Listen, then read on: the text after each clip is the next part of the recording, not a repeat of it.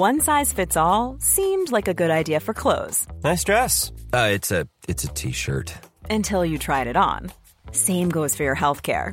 That's why United Healthcare offers a variety of flexible, budget friendly coverage for medical, vision, dental, and more. So, whether you're between jobs, coming off a parent's plan, or even missed open enrollment, you can find the plan that fits you best. Find out more about United Healthcare coverage at uh1.com. That's uh1.com.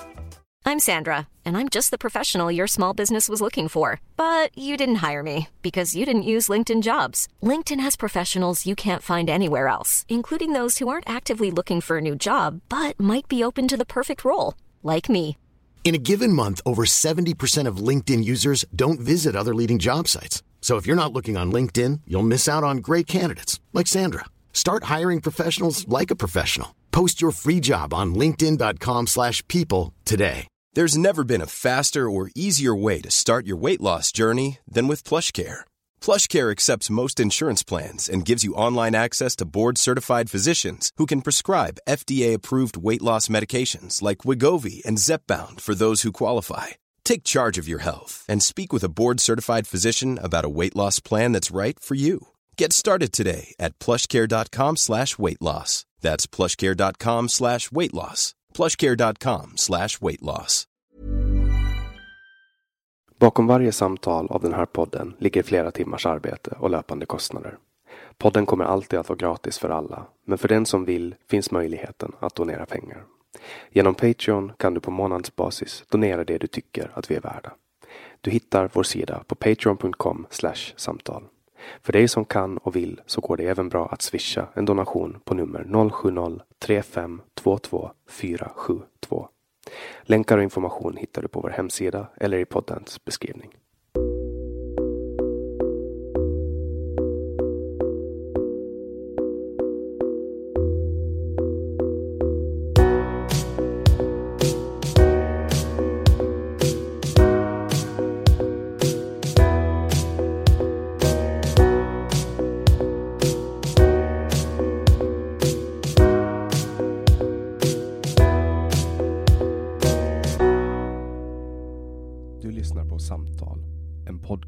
Med fokus på fria samtal. Jag heter Jannik Svensson och producent för podden är Didrik Svan. Idén är att fokusera på fria samtal. Det här är ingen debatt eller någon form av duell där det finns en vinnare och en förlorare.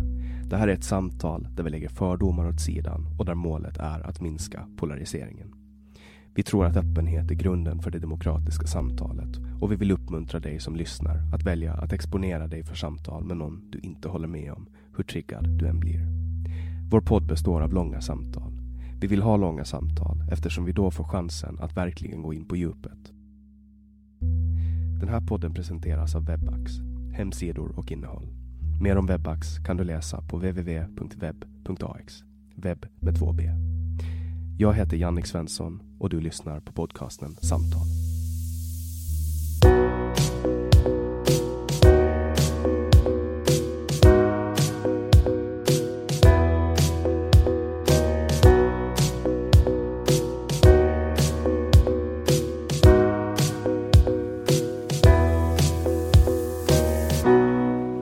Henrik Jönsson är en tvillingfar och småföretagare från Malmö. Han har främst jobbat inom visuella effekter och driver nu tillsammans med sin fru Jana företaget Divine Robot som gör virtual reality simulationer. Han definierar sig själv som libertarian och driver på fritiden en Youtube-kanal som behandlar samhällsfrågor. Han har i dagsläget över 6 miljoner visningar på Youtube. Välkommen Henrik Jönsson. Tack så mycket Jannik, trevligt att vara här. Eller rättare sagt att ha dig här, för vi är ju faktiskt hemma hos mig. Ja, och vi sitter mellan din greenscreen och din kamera Ja, vid ett bord. Och det, är ganska, det är ganska kul att se, för jag, jag, varje gång jag ser dina filmer så tänker jag på, undrar hur eh, Henriks setup ser ut. Vad har han för teknik och vad använder han? Du har varit lite förtegen, jag har försökt mjölka det. Det är inte hemligt på något sätt. Nej, Men jag ser att det, det ser, det, det ser, jag, jag, har, jag har liksom, som jag har sett din lägenhet framför mig, har varit helt annorlunda. Verkligen. Men du har det jättefint. Du måste komma ännu närmare mikrofonen. Jag satt Ja, just okej. och, berättade om hur intim du behöver vara med de här mikrofonerna. Ja, okej. Men du underskattar mig. Ja, uppenbarligen. Ja, och nu är vi i Malmö. Mm. Eh, och du kommer från Malmö. Det stämmer, born and raised. Born and raised. Och du kommer från eh, typ 100 miljarder generationer präster. Ja, på min pappas sida. så är vi, um, med undantag för min farfar som var specerihandlare, präster hela vägen på pappas sida tillbaks till 1500-talet. Det är, det är många generationer präster. Ja, det är en del. Så att det finns, och, och, och du är egentligen den första som bryter det här genom att göra någonting helt annat. Ja, farfar var den första Ja, far- som ja, bröt det, alltså, som hade specerihandel. Eh, Men eh, nej, jag är ju affärsman Mm. först och främst. Så vad ville din pappa att du skulle bli präst? Nej, det kan jag inte påstå. Jag är uppfostrad i ett kristet hem. Ehm, men mina föräldrar är väldigt ehm, bildade och ehm, mjuka människor som aldrig har försökt påtvinga mig och mina syskon någonting överhuvudtaget utan i, snarast tvärtom varit angelägna om att vi ska bilda oss egna uppfattningar om saker och ting. Och, och du växte upp här inne i Malmö eller utanför Malmö på 80-talet? Eh, Jag växte upp eh, 80-90-tal. först mina allra första år eh, borta vid Kronprinsen ungefär, Mariedalsvägen. Sedan flyttade vi in till Möllevången i början av 80-talet, alltså 1979-80. Och sen så bodde jag på Möllevången tills jag flyttade hemifrån. Och när man pratar om Malmö, det första folk säger, nu har jag pratat med kompisar och sånt om att jag ska åka till Malmö över helgen och då har folk varit så här, ja, ta med dig skyddsvästen, du vet, Mm. så. Är det så? Är det den bilden av, av Malmö som, som folk pratar om i omvärlden? Stämmer det?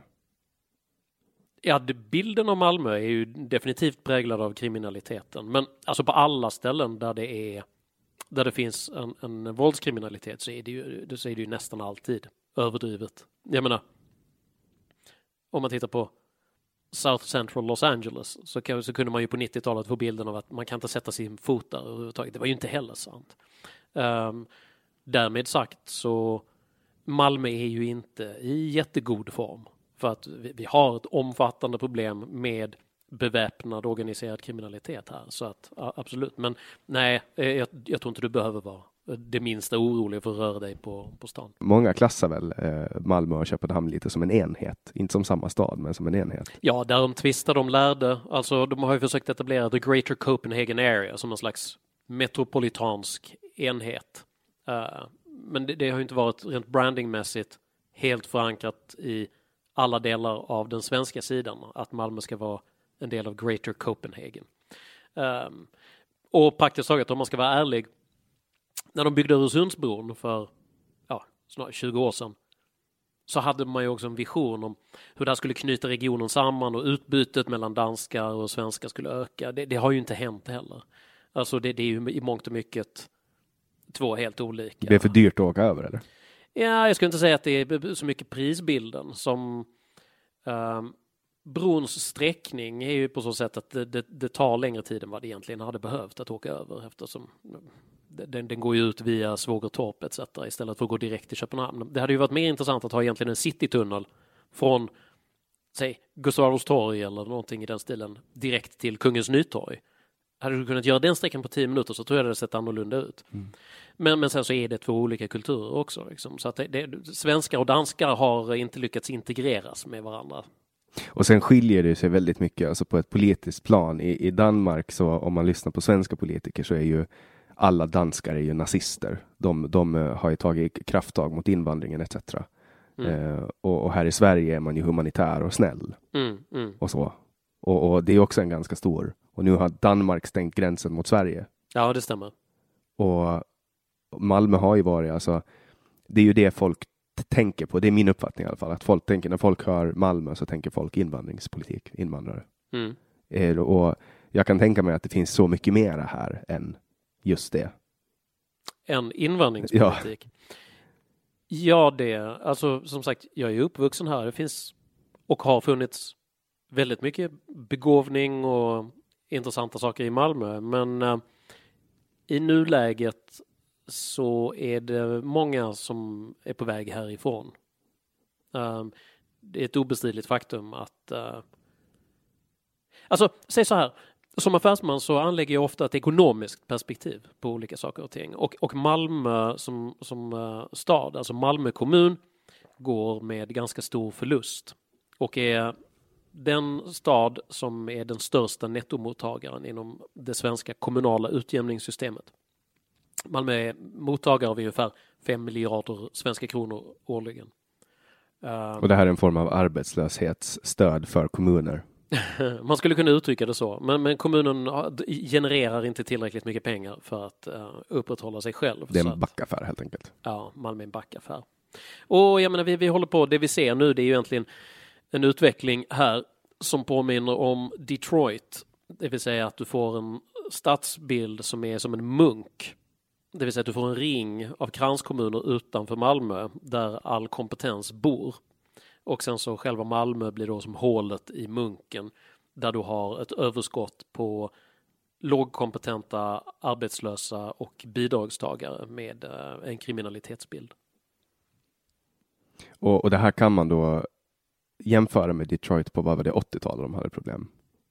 Ja, Detroits problem började väl lite tidigare. Det var ju i samband med att bilindustrin började haverera redan under 70-talet. Men absolut, den utvecklingen fungerar, fortsatte ju utvecklas under både 80 och 90-talet. Och då blir det som tvärtom. För, för eh, alltså, kollar man till exempel på Stockholm så är det ju, där är det ju de, de rika i mitten och desto längre ut man kommer, desto mer fattigt blir det. Men tar man Los Angeles, då är det liksom downtown LA, där är liksom, där hänger alla eh, hemlösa och där är Skid Row och så är, bor alla rika utanför. Är det så du tänker med Malmö? Är det ja, det som håller på pre precis.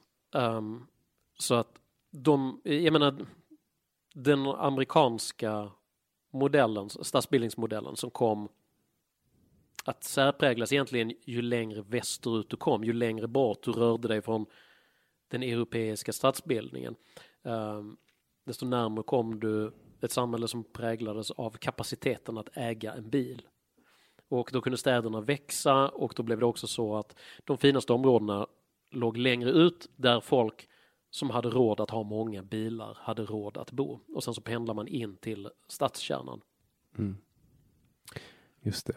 Och när man, när man också tittar på, på Malmö, alltså Malmö är ju en extremt kulturell stad. Det finns ju jättemånga kulturella profiler som kommer härifrån, men i grunden så är det väl mycket, i mångt och mycket en arbetarstad. Alltså ja, går tillbaks ja, till 40, 50, 60-talet. Ab absolut. Ja, I synnerhet om du tittar liksom 50, 60, 70-talet så präglades ju Malmö av att vi är en hamnstad och en varvsstad. Kockumsvarvet var den stora arbetsgivaren här i stan som där större delen av befolkningen jobbade med att bygga skepp och ubåtar bland annat. På 80-talet så la de ner Kockums, alla blev arbetslösa, alla blev alkoholister, det var stort nettounderskott. Vad var anledningen till nedläggningen? Då? Nej, det var helt enkelt olönsamhet. Det var flera olika faktorer. Dels så var det förändringar på den internationella marknaden, men sen så var det också att det var ju under, under en period där på 70-talet när facken var väldigt starka i Sverige, där de drev upp arbetarnas löner till nivåer som gjorde det helt enkelt olönsamt att ja, tillverka det var, det var sossar som sköt sig själv i foten. ja, eh, från dina läppar till, till Guds öron, Jannik. Ja.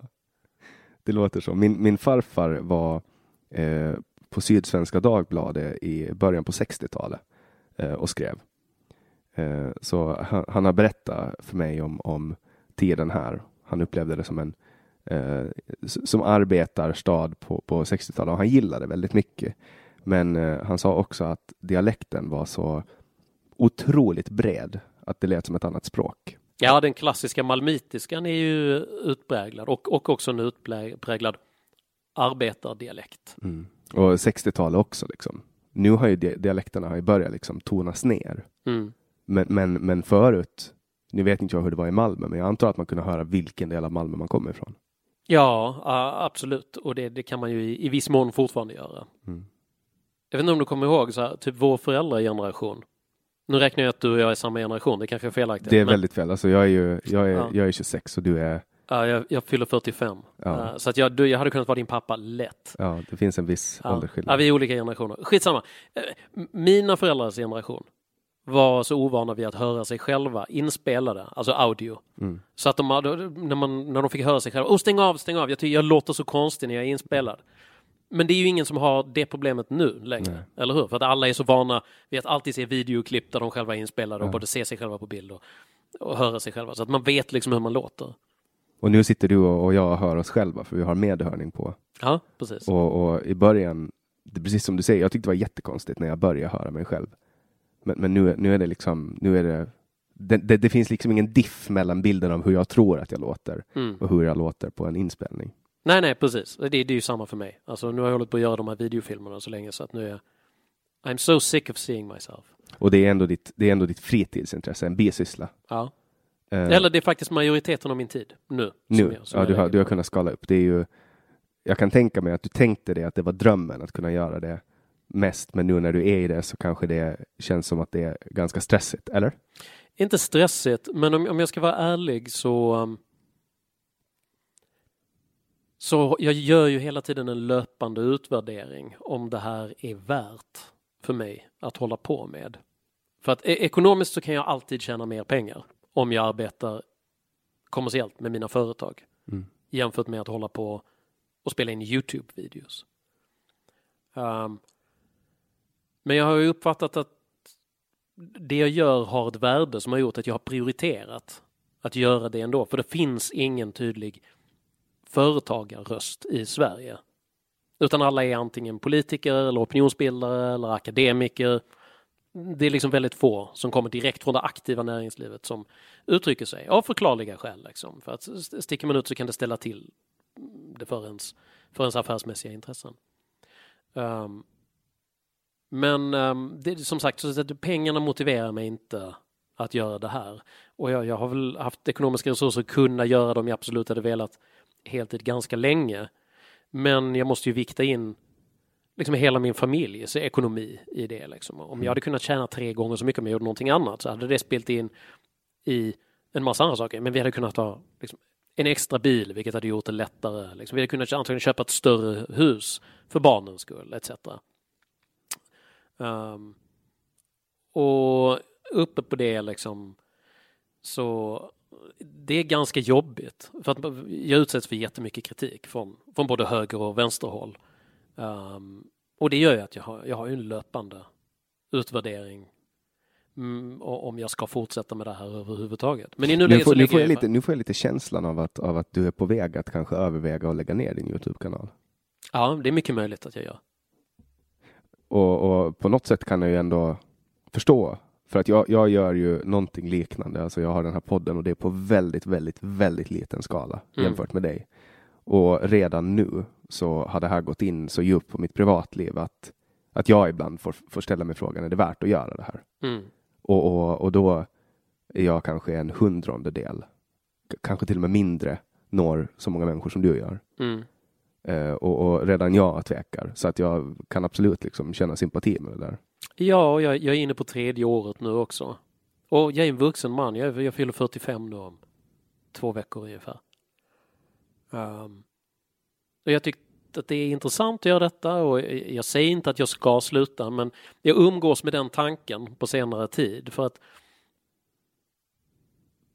utöver det ekonomiska så är liksom priset av att så många människor är så otrevliga mot en det, det, det rimmar inte riktigt med mig att, att släppa in de här dårfinkarna i min mobiltelefon och i mitt medvetande hela tiden. Det, det, är, en, det är en tråkig bieffekt av att vara en offentlig person. Hur, hur trött är din kreativa muskel på att hela tiden vara aktiv i att skapa nytt material? Inte alls. Inte alls. Nej, jag är superpigg. Alltså, jag har mer idéer än, än någonsin. Alltså grejer som jag vill göra, som jag skulle vilja utforska och, och hitta på. Alltså, ja, absolut. Okej, för jag, jag kan känna Alltså jag kan känna när jag, när jag skriver krönikor eller blogginlägg eller whatever som, som jag behöver använda min, min kreativitet till så, så blir jag helt urmattad. Ja, nej men så är det inte för mig. Men, men du vet, jag har ju präster hela vägen tillbaks till 1500-talet så jag, jag tror att jag har en sån prediko-gen i mig. Vi träffades eh, för första gången för, för kanske ett år sedan. Och så kom, kom du till Åland på en, på en föreläsningsturné. Och, och då hade vi lite tid att umgås. Och då fick jag liksom eh, den här känslan av hur, hur du hela tiden eh, möttes av att folk såg dig som en kändis men du identifierade dig som en småföretagare. Mm. Och att det blev någon form av diskrepans mellan den bilden.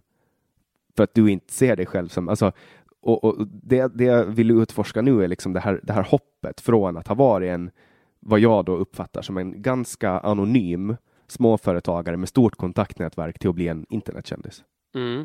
Hur känns det hoppet? För jag antar att folk kommer att ta selfies med dig. Jag har sett folk ta selfies med dig. Ja, ja, nej men det, det händer ju ganska ofta att, att folk vill göra det. Um, men Nej men säg så här, för mig är inte alltså skillnaden där var inte så stor därför att kolla. Det man gör när man bygger upp ett företag det är egentligen att man bygger relationer mellan olika typer av kompetens.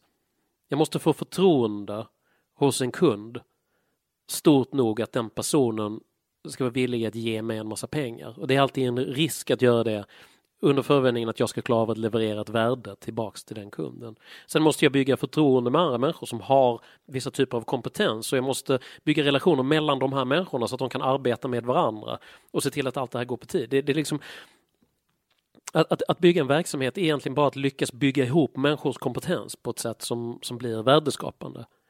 Um, så att när, när jag började kommunicera så var det just runt företagsfrågor som jag ville kommunicera. Det var just den här videon med hur stor del av skatten hur stor del av din lön går till skatt, typ skattepizzan och sånt? Ja, den första videon jag gjorde um, handlade faktiskt om vad vinst är för någonting. För att vi, här, vi hade en debatt, det här var då i valrörelsen uh, 2017, så hade vi um, en stor debatt angående om privata utförare skulle få lov att finnas i välfärdssektorn. Och det var alltså, då sossarna och vänstern gick helt bananas och inte fattade någonting. Ja, alltså, jag, jag tror att de, är lömskare än så. Jag tror att de fattar mycket väl vad de gjorde. Det var ju ett populistiskt spel.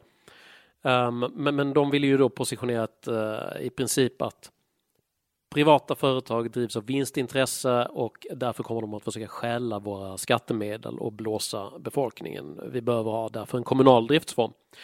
Uh, och det som provocerade mig då det var ju hur det journalistiska etablissemanget i Sverige inte klarade av att på ett korrekt sätt redogöra för skillnaden mellan vinst och utdelning i ett företag. Det är en väldigt viktig skillnad om man ska diskutera vinst i välfärden. För att vinst, det är ju alltså det resultat som uppstår i en verksamhet efter att alla kostnader och utgifter är täckta. Det är alltså överskottet. Nu, det här, den här vinsten, den ägs, det är företagets vinst. Det är på företagets resultatrapport som den här vinsten har uppstått. Pengarna är företagets. Och det som händer med vinsten det är att den oftast reinvesteras. Att man tar större lokaler, köper nya datorer, anställer fler människor eller fonderar pengar för en regnig dag om det ska bli sämre tider. Eller skickar dem till Caymanöarna. Men det är ju det folk tror. Det, kan du, en, en, det handlar ju då om utdelning. För att om du har positivt resultat så kan du också välja att plocka ut pengar ur verksamheten och det gör man av en anledning. Att om, om, om du och jag och några andra människor har puttat in en miljon kronor var i ett bolag så gör vi det under förutsättning att vi ska få tillbaks de pengarna som vi har stoppat in plus en ränta på det. På samma sätt. Alltså det är så kreditmarknaderna fungerar. Och därför har man utdelning. Um, och det är också helt legitimt, men det är oftast den lilla, lilla delen. Så att det de inte lyckades göra då i de svenska tidningarna när de skrev om vinster i välfärden, det var att de, de lyckades konsekvent framställa vinst som samma sak som pengar som skulle vara utdelning. Det vill säga att Ja, de har gjort så här mycket i vinst. Ja, då är det alltså pengar som någon fat cat har stoppat i bakfickan och dragit till sig källorna med. Vilket är en missrepresentation. Så då spelade jag in min första video som handlar om det. Det är så att, look, ni kan diskutera det här, ni får gärna debattera om vi ska ha vinster i välfärden eller inte. Absolut, jag är med på det. Men i så fall måste ni veta vad vinst är. Alltså ni måste ha grundläggande förståelse för hur ett företag funkar. Och så spelade jag in en video, den var bara några minuter lång, tre fyra minuter. Och den la jag ut på Facebook, först av allt. Och sen på morgonen när jag vaknade då så hade den blivit viral och den hade fått 120 000 visningar eller någonting sånt. Och jag hade fått en massa e-mail från folk som skrev Gud vad bra du förklarar, jag har aldrig förstått det här, jag har aldrig hört det här förut. Och då tänkte jag att nej, det förstår jag. För det finns ju nästan inga företagsledare som kommunicerar med folk. Alla som driver företag vet precis hur de här sakerna funkar. Men ändå, bland både liksom, journalister och befolkningen i allmänhet så vet man inte det. Och från politiskt håll så kan man då uppmåla vinstintresset som någonting som är ondskefullt. Så då började jag göra film, för jag tänkte att men, men det här är viktigt. Det här behöver jag säga någonting om. Och då är det liksom samma sorts relationsbyggande som när jag bygger någonting inom, inom min firma. När jag försöker bygga en relation till en publik eller andra människor. Så det här är viktiga marknadsekonomiska idéer. Och anledningen till att det är viktigt för mig att kommunicera de sakerna det är på grund av att min filosofiska rot tillhör den aristoteliska traditionen. där jag anser att den mänskliga civilisationen och människan är värdefull. Och om man tycker det, att människan är värdefull, att civilisationen är värdefull, då vill man bidra till att förfina, vidareutveckla, accelerera den civilisationens utveckling. Och från mitt perspektiv så är den mest dynamiska kraften för att göra just det privat företagande och entreprenörskap. Och då vill jag slåss för och förfäkta en sådan frihetlig, entreprenöriell idétradition. Och därför blev det viktigt för mig då att kommunicera. Och du är ju inte heller, du hymlar ju inte heller om var du kommer ifrån. Jag är öppen med att jag är partisk, ja. Jag Och- gör en varudeklaration i början av varje video. Och det tycker jag är så otroligt viktigt dessa dagar. Att man är, jag satt i, i igår satt jag med min svärmor och, och pratade om, om nyheter på telefonen. Och, och så, för, för vi, jag tycker att det är väldigt intressant att, att, att prata om den här skillnaden mellan, alltså som finns mellan generationer. Och då, och då berättade jag om två nyhetsappar jag använder. Jag pratar å ena sidan om Bubbla, Bubbla Nyheter och om Omni. Och anledningen att jag, att jag hellre konsumerar eh, nyheter från Bubbla och ETC är för att jag vet vilken värdegrund de står på. Jag vet vilken agenda de har, alltså kan jag använda min eh, kompass till att navigera mig genom deras bias. Och det ger mig en mycket mer verklig bild av verkligheten och av nyheterna än att till exempel läsa Omni, som är en, en rewrite på massa eh, socialdemokratiska tidningar som sitter Mm. i ett kluster. Liksom. Mm. Och, och, eh, och, och kollar man på Bubbla och Omni, båda täcker internationella nyheter och regionala svenska nyheter. Men nyheterna är väldigt annorlunda. Det är jättestor eh, det skillnad på eh, vad det kommer för nyheter. Det är bättre att man erkänner färg Mm. så att man vet vad den människan har för världsbild. För att det är ganska lätt att, och det är, det är ju jättesvårt att förstå sig på människor, men det är ganska lätt att, att om jag får reda på om en människa är kollektivistiskt lagd eller individualistiskt lagd, veta ungefär hur dennes referensramar ser ut. Mm. På, på grund av att jag vet, jag vet ungefär vad jag kan säga utan att kränka den personen, om du förstår vad jag menar. Mm. Eh, och, och man kom, man, alltså, om man är socialist, då ser man världen på ett visst sätt. Och är man individualist, då ser man världen på ett visst sätt. Och om de här två olika individerna förklarar samma sak på sitt eget sätt, så kommer det att se olika ut. Och därför tycker jag att det är bedrägligt och väldigt lömskt att gömma sig bakom det man kallar för objektivitet eh, inom till exempel public service istället för att säga, jag har ju länge tyckt att, att journalister ska skriva vad de röstar. Det finns ju liksom en rörelse inom eh, journalistkåren som säger att nej, men man ska inte rösta och man ska inte prata om politik. Men, men jag tycker att det ska vara mycket ärligare om, om journalister redovisar hur de såg världen. Mm. För det, för det är inte så svårt att se hur de ser världen när man läser texterna. Men, men för, för liksom utgångspunkten borde vara att man, man berättar vem man är och varför man gör det. Ja, men det, jag är helt enig med det. Alltså jag, jag tror att om man vill säkerställa att det finns en hälsosam demokratisk debatt så tror jag att man gör det genom att se till att det finns en frodig och vildvuxen mängd olika aktörer som tydligt kan vara avsändare för olika typer av perspektiv och sen så kan man konsumera flera av dem och, liksom få, få, en, få en, en, en helhetsbild. Eh, jag, jag, jag, jag tror att att skapa en central, totalt dominant aktör och eh, säga att den här eh, institutionen ska vara objektiv. Det, det är inte bara orättvist mot befolkningen som eventuellt duperas till att tro på den där eh, lögnen. Det är dessutom orättvist mot de som ska jobba i den organisationen därför att de åläggs ett uppdrag som är helt övermänskligt. Det går inte att göra. Man kommer inte att klara att vara objektiv. Och sen eh, en sak som, som också slår mig med dig är att du har en image. Du har liksom skruvat upp eh, nidbilden av dig själv till, till den milda grad att du har en logo som är liksom i guld där det står Henrik Jönsson och du har alltid på dig en skräddarsydd kostym. Du liksom, alltså det är som eh, i 1984 med, när prolerna beskriver kapitalisterna och då målar de upp en bild av, av alltså det prolerna vet är att de har cylinderhattar och är elaka och Ja, men det är som monopolgubben. Men Eh, typ. Det är ju nidbilden av en kapitalist. Ja, en tjock, elak, rov kapitalist. Du har liksom valt att på något sätt ehm, dra lite på den här bilden. Ja, men det var ju, eh, alltså, det, det är ju ett, det är ett skämt så att säga. Alltså, på ett sätt så är det, det är en karikatyr. All, allting som du blir i media, och nu arbetar jag ju med video, så att jag har, min visualitet är ju viktig. Um, den är ju baserad på mig själv, men, men uppväxlad. Så att jag, jag tycker om att klä mig väl. Och det, det, det är på riktigt. Men, men det, och det gör man av flera anledningar. Dels av respekt för sin omgivning. Du kommer inte att sitta i ett möte med mig där jag kommer in i en fucking hoodie. Därför att det är dålig respekt. Jag är en vuxen man. Jag släntrar inte runt som en 14-åring som har kommit från skateboardrampen alldeles nyss. Men när jag då äh, axlar rollen som kommunikatör så har jag ju riffat på det, den här nidbilden som finns då från socialistiskt håll om den ondsintiga kapitalisten. Jag menar, det finns ju ingen in his right mind som har ett guldmonogram. Det gjorde jag för att hiphoppare har den estetiken.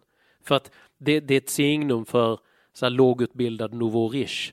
Så att det är ju min drift med mig själv. Sen så har jag märkt att det är inte alla som har fattat det. riktigt. Och, skämtet är ju på de som inte fattar det. Det är ju det som är det roliga. Ja, det har ju blivit det. Jag trodde det var helt uppenbart, men sen så har jag märkt att det är inte alla som förstår det där liksom. Och och jag menar, nu är ju tillvaron dessutom så jäkla skruvad liksom, så att höger och vänster eh, konflikten finns ju inte riktigt längre, utan hälften av de som var gamla socialdemokratiska arbetare har ju, har ju nu tiltat över eh, till Sverigedemokraterna. Till nya Socialdemokraterna. Ja, så skulle man väl kunna uttrycka det. Men, men, men då hamnar de ju då i en klick som är mer höger. Um, rent liksom hur, hur folk analyserar de olika um, politiska partigrupperingarna.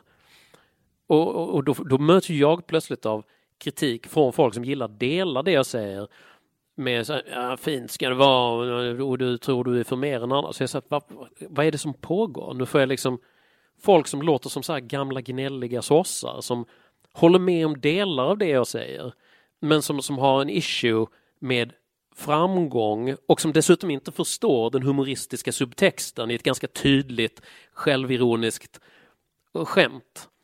Um, I did not see that one coming, uh, Jannik. Men där så, alltså när man ser champagne med Henrik, det är liksom en så här, det är ett rött eh, draperi, det är guldfåtöljer, guldbord och så sabrerar ni champagne med ett gammalt, så, alltså det är liksom så, det, för mig är det så uppenbart att det är en karikatyr av rovkapitalisten. Ja, men det, det är ju det är bra att, att du ser det. Jag, jag, jag tror att de flesta fattar det. Men, men på senare tid så har det verkligen gått hem till mig att det, det finns en gruppering som inte förstår humorn i det där. En som gjorde det offentligt var ju Jens, eh, vad heter han, Lill, Jens eh, Liljestrand, ja. ja, han förstår ju inte.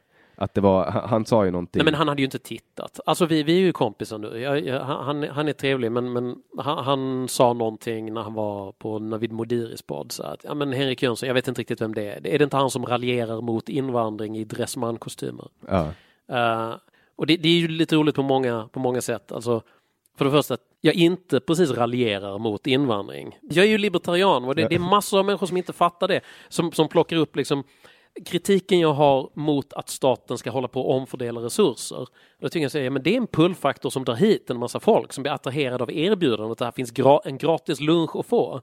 Det är jag kritisk mot. Men eh, om man inte har det, alltså invandring som fenomen betraktar inte jag som ett problem. Om det är kompetenta människor som försörjer sig själva, som respekterar lagen och kan bete sig som folk, inga problem. Kör! Um, men, men, men, det är inte alla som plockar upp då vad libertarian är för någonting, utan de, de kan bli jättetjuriga helt enkelt för, ehm, för den typen av grejer.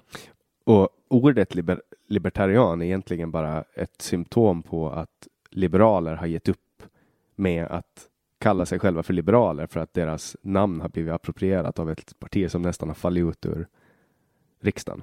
Ja, jag, jag bytte ju permanent till att beskriva mig själv som libertarian just efter att uh, det före detta Folkpartiet bytte namn till Liberalerna för att undvika missförstånd. Att jag, jag känner ganska många uh, liberaler som är, som är bra folk men jag vill inte förväxlas, förväxlas med deras brand av socialliberalism har lite för mycket betoning på just social för mm. att jag ska tycka att det, det stämmer överens med min övertygelse.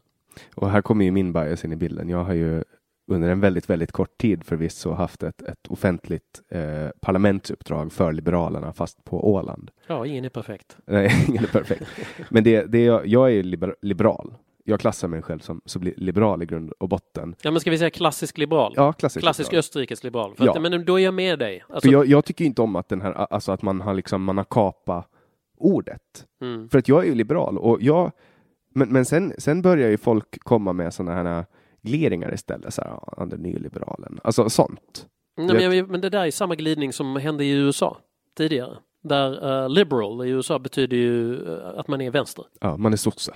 Ja, ja precis. Och det, det kommer att vara så här också om några år eftersom allt fler sorterar sig själva under benämningen liberal och de glider allt längre vänsterut. För att vad, vad ska de göra liksom? Eftersom de redan är i en kollektivistisk mindset av att Ja, vi tycker alltså att det ska finnas eh, rimlig frihet eh, och marknadsfrihet. Men det är också viktigt att vi har väldigt mycket redistribution.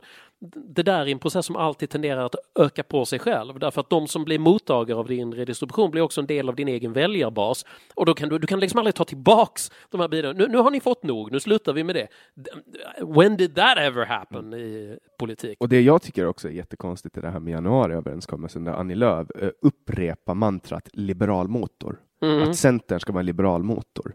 Vad är en liberal motor i Centerns värld och på vilket sätt är det liberalt att låta en socialistisk regering styra Sverige i minoritet? Fråga henne om det när du träffar henne. Jag, jag önskar, och, då är hon också eh, en person som har sagt att Ayn Rand är hennes favoritförfattare. Ja, men eh, many moons ago. Ja, vad hände där liksom? Eh, Låt oss bara konstatera att Centerpartiet har gått i en riktning som för mig gör dem fullständigt ointressanta uh, ur mitt ideologiska perspektiv.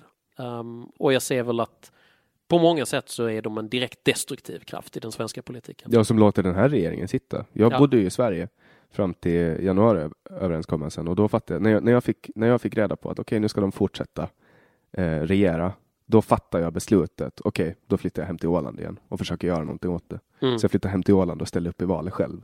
Vi, fick ju, vi märkte ju hur det här gick ut eh, på till exempel vår arbetsplats eh, som, jag hade när jag bodde i Stockholm. Så hade vi en, en eh, sjukförsäkring som, som gjorde att vi, eh, om vi blev sjuka så fick vi träffa läkare direkt. Liksom. Mm. Och, och det funkar hur bra som helst. Mm. Det var, vi var alltid liksom, vi belastade inte, eh, vi belastade inte offentliga systemet. Vi gynnade den privata marknaden och här, den här försäkringen var då, det var, in- den förmånsbeskattades inte. Jag tror, visst, visst var det förmånsbeskattning som låg på de privata sjukvårdsförsäkringarna? Um, jag, jag kan inte svara exakt. Ja, det, var, det, var, det var en skatt på just den här kategorin av försäkringar. Sen fattade eh, Socialdemokraterna beslutet att ta bort den här förmånen. Eh, och det som hände var att ja, men då sa de upp försäkringen och då blev alla på företaget eh, vi hade inte en försäkring längre och då fick vi börja gå till offentliga vården. Och vad händer då? Vårdköerna blir längre. Eh, den privata marknaden slutar stimuleras i samma omfattning och det blir bara tvärtom från vad de säger. Och det enda de står och säger är att vi ska korta vårdköerna. Mm, mm. Och hur går det? När man liksom, det här klassföraktet driver fram en politik som slår mot de som faktiskt väljer att använda sina egna privata pengar på den privata marknaden. Ja, ja, men, men precis, då, då, då, så har de ju gjort um, här i Sverige. Det och när jag, när jag insåg att det här kommer att fortsätta, Mm. för det där var bara liksom början, det där var, de satt en mandatperiod nu. Och det här är bara början liksom. Då kände jag att nej, det här går inte. Mm. Och då lämnade jag landet. Ja, nej, men det gjorde du kanske klokt i. Ja, och du funderar på att lämna Malmö nu, har jag förstått. Ja, eh, vi håller på att leta hus. Eh, och det är många som är sjukt nyfikna på det. Men så har du flyttat än? Har du flyttat än? Men du vet, har man, jag har två barn i skolålder och dessutom ett eh, ganska stort bolag här i stan. Så att det är en massa grejer som måste klicka för att man ska kunna göra det. Men vi håller på att titta på ett hus någonstans eh, på pendlingsavstånd till Malmö. Okej, ni, ni, ni lämnar liksom inte landskapet. Nej, alltså vi kan inte lämna hela bolaget vind för våg. Liksom. Det, det, det är inte moget för att klara sig utan vår närvaro. Jag, tänk, jag, tänk, jag, jag tänkte att men ni kanske flyttar till Stockholm eller Ja, på, på lite sikt så kanske vi vill ändå längre. Eh, men eh, vårt nuvarande bolag eh, behöver eh, ett par år av uppmärksamhet till. För att eh, vi, vi har investerat som, vi har nästan tio år på att bygga upp den verksamheten. Så att den ska växa lite till. Och det är just det här företaget som sysslar med virtual reality simulationer. Ja, bland annat. Uh, jag skulle säga att um, Divine Robot är ett IT-utvecklingsbolag med spjutspetskompetens där vi går in som ett SWAT-team i olika typer av uppdrag och arbetar som en nära partner med olika organisationer. Som, kan du ta ett exempel? Ja, men eh, eh, ett exempel är att vi har gått in eh, som utvecklare och aktiv partner och digitaliserat och förnyat um, mängder av olika kommuners anropsstyrda trafiksystem. Som är gamla bokningssystem. Anropsstyrd trafik, det är när um, om du är uh, sjuk, kanske måste till dialys x antal dagar i månaden då kan du vara berättigad ett transportstöd för att komma dit. Det är anropsstyrd trafik. Då, då ringer du och säger att ja, jag heter Jannik, jag, jag ska till sjukan då och då och då. Då matar någon in i ett system och säger japp, han är berättigad. Det kommer en bil och hämtar dig då och då. Sen så är den bilen betald av ett uh, offentligt system liksom, så att den handlas upp centralt. De systemen som gjorde det uh, var väldigt gamla. Många av de här systemen var liksom så terminalinmatade, så tangentbordsstyrda system som skrevs i början på 80-talet. De har vi nu uppdaterat och gjort en massa spännande saker med. Ni har skrotat dem och byggt någonting nytt eller har ni uppdaterat? Ja, nej, vi, vi har byggt någonting helt nytt ja, okay. från, från, grunden upp. Jag tänkte väl, det är kanske inte är så bra grund att bygga någonting. Nej, nej, nej, så där, där har vi fått, eh, där har vi eh, gjort om. Uh, och sen så arbetar vi även med virtual reality simulationer då uh, tillsammans med ett, uh, med, ett annat bolag där vi utvecklar simulationer för exempelvis jakt och skytteträning och den typen av grejer. Och, och, kan det då vara jakt och skytteträning, alltså typ rekreationsjagande eh, eh eller, eller terroristbekämpning eller? Ja, jag kan inte gå in i detalj på exakt vilka uppdragsgivarna är där, men vi har väldigt sofistikerade simulationer för att ehm, um, bli en bättre skytt och att fatta bra beslut i kritiska situationer. Det låter ju som, som någonting som kan behövas, speciellt här i Malmö, tänker jag, men också kanske på den internationella marknaden om man ska vara lite ja, sådär nitisk. Uh, men du har alltså du har en lång historia av entreprenörskap och det, det jag noterar när, när man uh, lyssnar på dig är att uh, i olika poddar eller olika sammanhang där du intervjuas, det är att man får, jag har aldrig fått en riktigt klar bild av var du kommer ifrån. Jag har bara hört att du har varit lite i San Francisco, att du har varit lite i London och, och så. Men eh, hur började ditt företagande? Liksom? Vad var det som, som fick dig att, att bli den du är idag? Alltså, jag har startat verksamheter sedan jag var ett litet, litet barn. Uh, så att det, det, det, är en drift som finns i min personlighetsdisposition. När jag var bara ett par år gammal så samlade jag ihop snäckor och klistrade på tändsticksaskar Uh, och sen så, så satte jag mig med en liten bänk och sålde dem som souvenir utanför vårt sommarställe. Så, och, och då, jag, liksom, jag tjänade några hundralappar på det, men vilket var mycket då.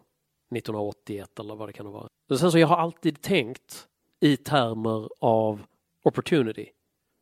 Så att vilken situation jag än går in i, där jag identifierar, men det här borde kunna göras bättre. Eller varför gör man det så här? Um, då sätter jag direkt igång och börjar analysera. Uh, liksom, varför är det gjort så här? Var, hur, hur är det här budgeterat? Hur många resurser behövs för att ändra på det här etc. Så att mitt första riktiga bolag då jag är igång 1994 och då arbetade vi med datoranimation. Jag var väldigt tidigt ute. Det var när jag föddes alltså? Nej, är du född 94? Ja, 25 ja. januari 94. Ja, men då, då var jag 19. Um, och vi gjorde datoranimation och sen så gjorde vi vi publicerade företags årsredovisningar på diskett, på floppy disk eh, som multimediapresentation. Multimedia var ett begrepp som användes då för att det var liksom så här innan webben fanns, som så här, klickbara interaktiva bildspel typ. Som vi distribuerade på diskett och sen så tog vi kontakt med leverantör som kunde masskopiera disketter och så liksom hade vi ett system för att paketera dem i kuvert. Uh, och så skickade vi ut dem och så gjorde vi läckra datoranimationer för sin tid då som var en extremt primitiv datoranimation. Men det var jag och en kille till som gjorde det och, och, och vi började med det på våra pojkrum när vi var 16, vi bolagiserade då. Och ni satt ju på knappar på Commodore 64 år? Nej, det, det, var ändå tidigare. Då hade vi uh, eh, PC-maskiner. Men när ni, när ni växte upp, alltså det är den? Ja, ja, ja precis. Jag, jag, har, jag fick en Commodore 64 1985 ungefär och den, den påverkade mig jätte, jättemycket. Så, så ni lärde er liksom basic från, från att ni var barn? Ja, precis. Vi var autodidakter. Så vi första generationen som växte upp digitalt. Uh, men sen så det bolaget gick ganska bra. Sen så blev vi uppköpta av ett större bolag och det var då dotcom-cirkusen drog igång. Uh, och på den vägen är det. Du är alltså en uh, IT-bubbla uh, skapelse kan man säga. Ja, så tillvida att jag hade mina första riktiga företag precis i vevan runt att IT-bubblan började blåsas upp. Vad hände med dig ekonomiskt när bubblan sprack?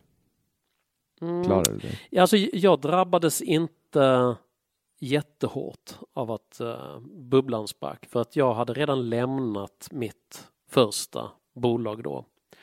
Uh, och i, i den vevan så flyttade vi till London. Uh, du och din? Jag och min nuvarande hustru, vi var, vi var inte gifta då.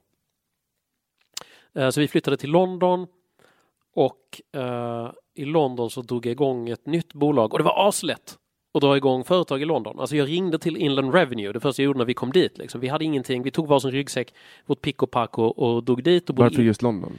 Um, för snabbt. därför att vi studerade dessutom en grej som kallas för Alexanderteknik som är en, ehm, en form av kroppsmedvetenhetsträning skulle man kunna säga. Eh, så vi gick, vi gick en skola i Alexanderteknik och den bästa skolan som finns i Alexanderteknik eh, den fanns i London. Och för att kunna finansiera de studierna så drog jag igång ett nytt datoranimationsföretag när jag kom dit. Så det var så jag finansierade det. Um, och sen så byggde vi upp det företaget. Du sa att det var lätt att starta företag. Det var det du höll på när jag avbröt dig. Ja, ja, men det, det, var för att jag ringde ju Inland Revenue direkt när jag kom dit för att berätta att jag ville starta ett liksom, enmansföretag. Och de bara skrattade åt mig och sa att, ja, men har du tjänat några pengar då? Så, nej, det har jag inte gjort. Jag måste ju berätta först att jag ska starta företaget. Och de bara, nej, nej, men du, vet du vad? Alltså de, de första 14 000 punden är skattefria så att bara tjäna dem först och hör av dig sen. Jag tänkte, det där var så jäkla impo det imponerade på så mig. Så du bara kunna skicka en faktura? Ja! Och det var mina pengar. Och det där känns så konstigt för mig, för du alltså, vadå, bara kunna skicka en faktura utan tillåtelse från staten? Ja. Från flera olika myndigheter dessutom. Precis, men det är en större ekonomi och det är en friare ekonomi liksom. Men, men det där tyckte jag verkligen, det, det var föredömligt liksom. Att om, de vill, om man verkligen vill uppmuntra småföretagande så är det klart att man ska göra så att du ska få lov att liksom tjäna upp till en nivå utan att behöva göra någonting. De pengarna är dina, bara för att hjälpa alla de här hundratals små företagen att komma över tröskeln. Sen så, för staten blir ju ett företag intressant först efter att du kanske omsätter egentligen en halv miljon eller en miljon eller någonting i den stilen. Det är först då som kostnaden för att liksom hantera din redovisning och deklaration överhuvudtaget blir motiverad för att deras del är ju så jäkla liten ändå. Mm. Um, så att vill man verkligen göra någonting för det småskaliga företagandet så tycker jag att det är en modell att snegla på och där blev jag också väldigt, väldigt impad. Har de kvar det? Det systemet? Ja. ja, absolut. Jag tror till och med de har höjt eh, gränsen för hur mycket man får lov att tjäna. Och nu har de ju Boris Johnson som är väldigt marknadsvänlig och han har väl för avsikt att försöka positionera England som nästan en free market haven nu för nu när de har um, krokat av sig EU um, regelverken. Alltså följer man, följer man uh, media så får man ju bilden av att Boris Johnson är någon, någon utvecklingsstörd snubbe som man har dragit upp ur en kloak. Ja, uh, men man kanske inte ska lita för mycket på den ensidiga bilden. Alltså det är samtidigt en man som kan recitera Iliaden på grekiska uh, ur minnet. Mm. Ja, det, det kan ju behövas i, i dagens UK. ja, kanske det. Men du sa det, det, var, det var lätt att vara där nu och ni, ni eh, flyttade dit, ni startade bolaget, du satt och knappade på en dator och sen gick ni i den här skolan. Ja, precis. Jag, jag gjorde ju datoranimation då. Um, och uh, jag var underleverantör till flera andra post production facilities. Um, och gjorde mycket datoranimation av den där typen som du kan se på Discovery Channel. Du vet hur hjärtklaffar funkar och um, olika typer av uh, astronomiska eh, illustrationer av planetsystem och sådana saker. Och sen mot slutet började vi även göra spelfilm. Eh, så att vi, mitt team jobbade en hel del med specialeffekterna på en film som heter Rise of the Planet of the Apes som var en, en Hollywoodfilm. Vilka som... scener har, har ditt team gjort? Scen 131 till uh, 190 någonting. Följdfråga, vad händer i scenerna? Ganska tråkiga grejer oftast. Vi var ju en liten studio så att alltså de, de avancerade effekterna, alltså character animation och sånt gjordes av ett bolag som heter Weta som ligger på Nya Zeeland. Vi gjorde mest digital set extensions, Um, um, gjorde digital matte paintings. Alltså typ bakgrunder och sånt? Bakgrunder tog bort saker som inte skulle vara där. Ibland så la vi till lite saker som behövde vara där. Um, det, men det var en del animationer också. Liksom, och det de... kunde ta flera månader att göra några minuter film? Ja, ja, visst, visst. Alltså, uh, på Pixar så räknar de att en duktig animatör ska leverera tre sekunder animation i veckan. det är ju helt sanslöst. Det är därför det kostar. Ja, fy fan vilka jävla resurser man måste pumpa in i de Alltså, det är ju helt ja. stört. Ja, ja men det, det, är inte stört, det är marknadsekonomi. Alltså, att, att du, det, det, är ju ett, en vittnesbörd om hur slagkraftig vår kultur är. Ja. Att, att det finns möjlighet att vara så specialiserat nischad att du kan vara en person vars uppdrag är att den här killen eller tjejen levererar tre sekunder av extremt högkvalitativ datoranimation varje vecka. Och vi producerar ett par sådana filmer varje år som är två timmar långa.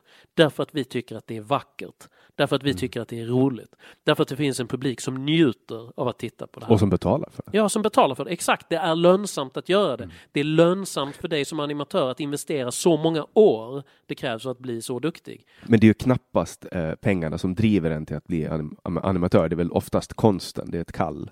Ja, så är det förstås oftast för dem. Men jag menar, det är ju igen, tillbaks till det här relationsbyggandet. Det är en mängd olika kompetenser som måste kopplas ihop med varandra. Du behöver du behöver kreatören, konstnären, men du måste också ha finansiären, entreprenören, visionären, teamledaren, marknadsföringsfolket, alltså alla de här. Det är som Milton Friedmans penna, du vet den här gamla metaforen. Det är ingen som kan bygga pennan i isolation.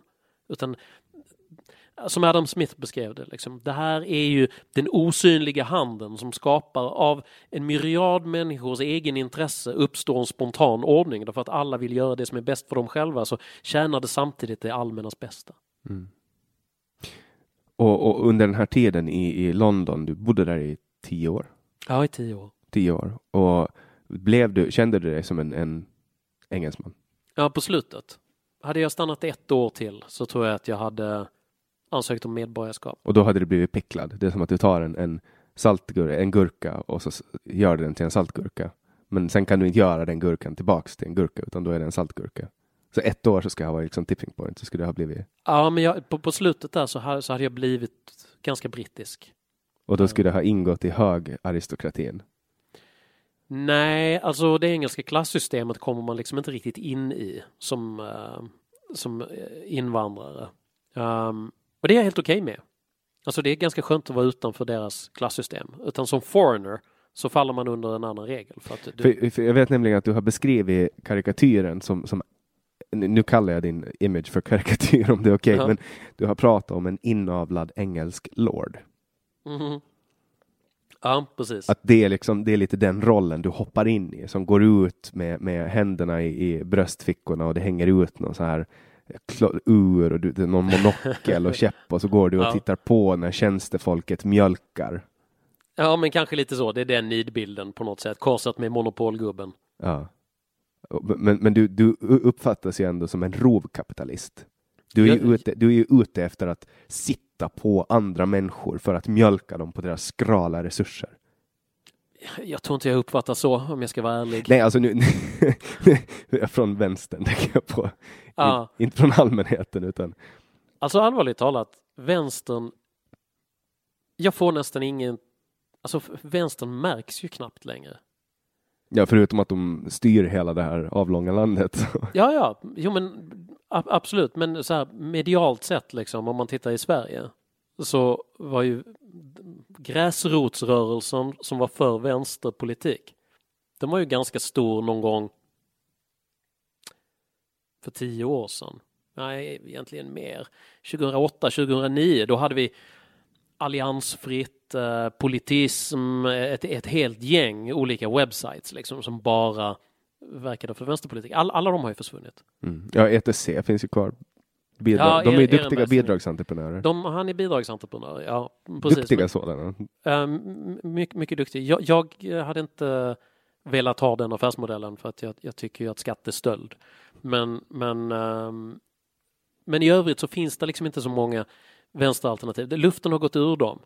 Utan eh, Ja, och nu flyttar ju också Vänsterpartiets ledare till ett socialistiskt mecka.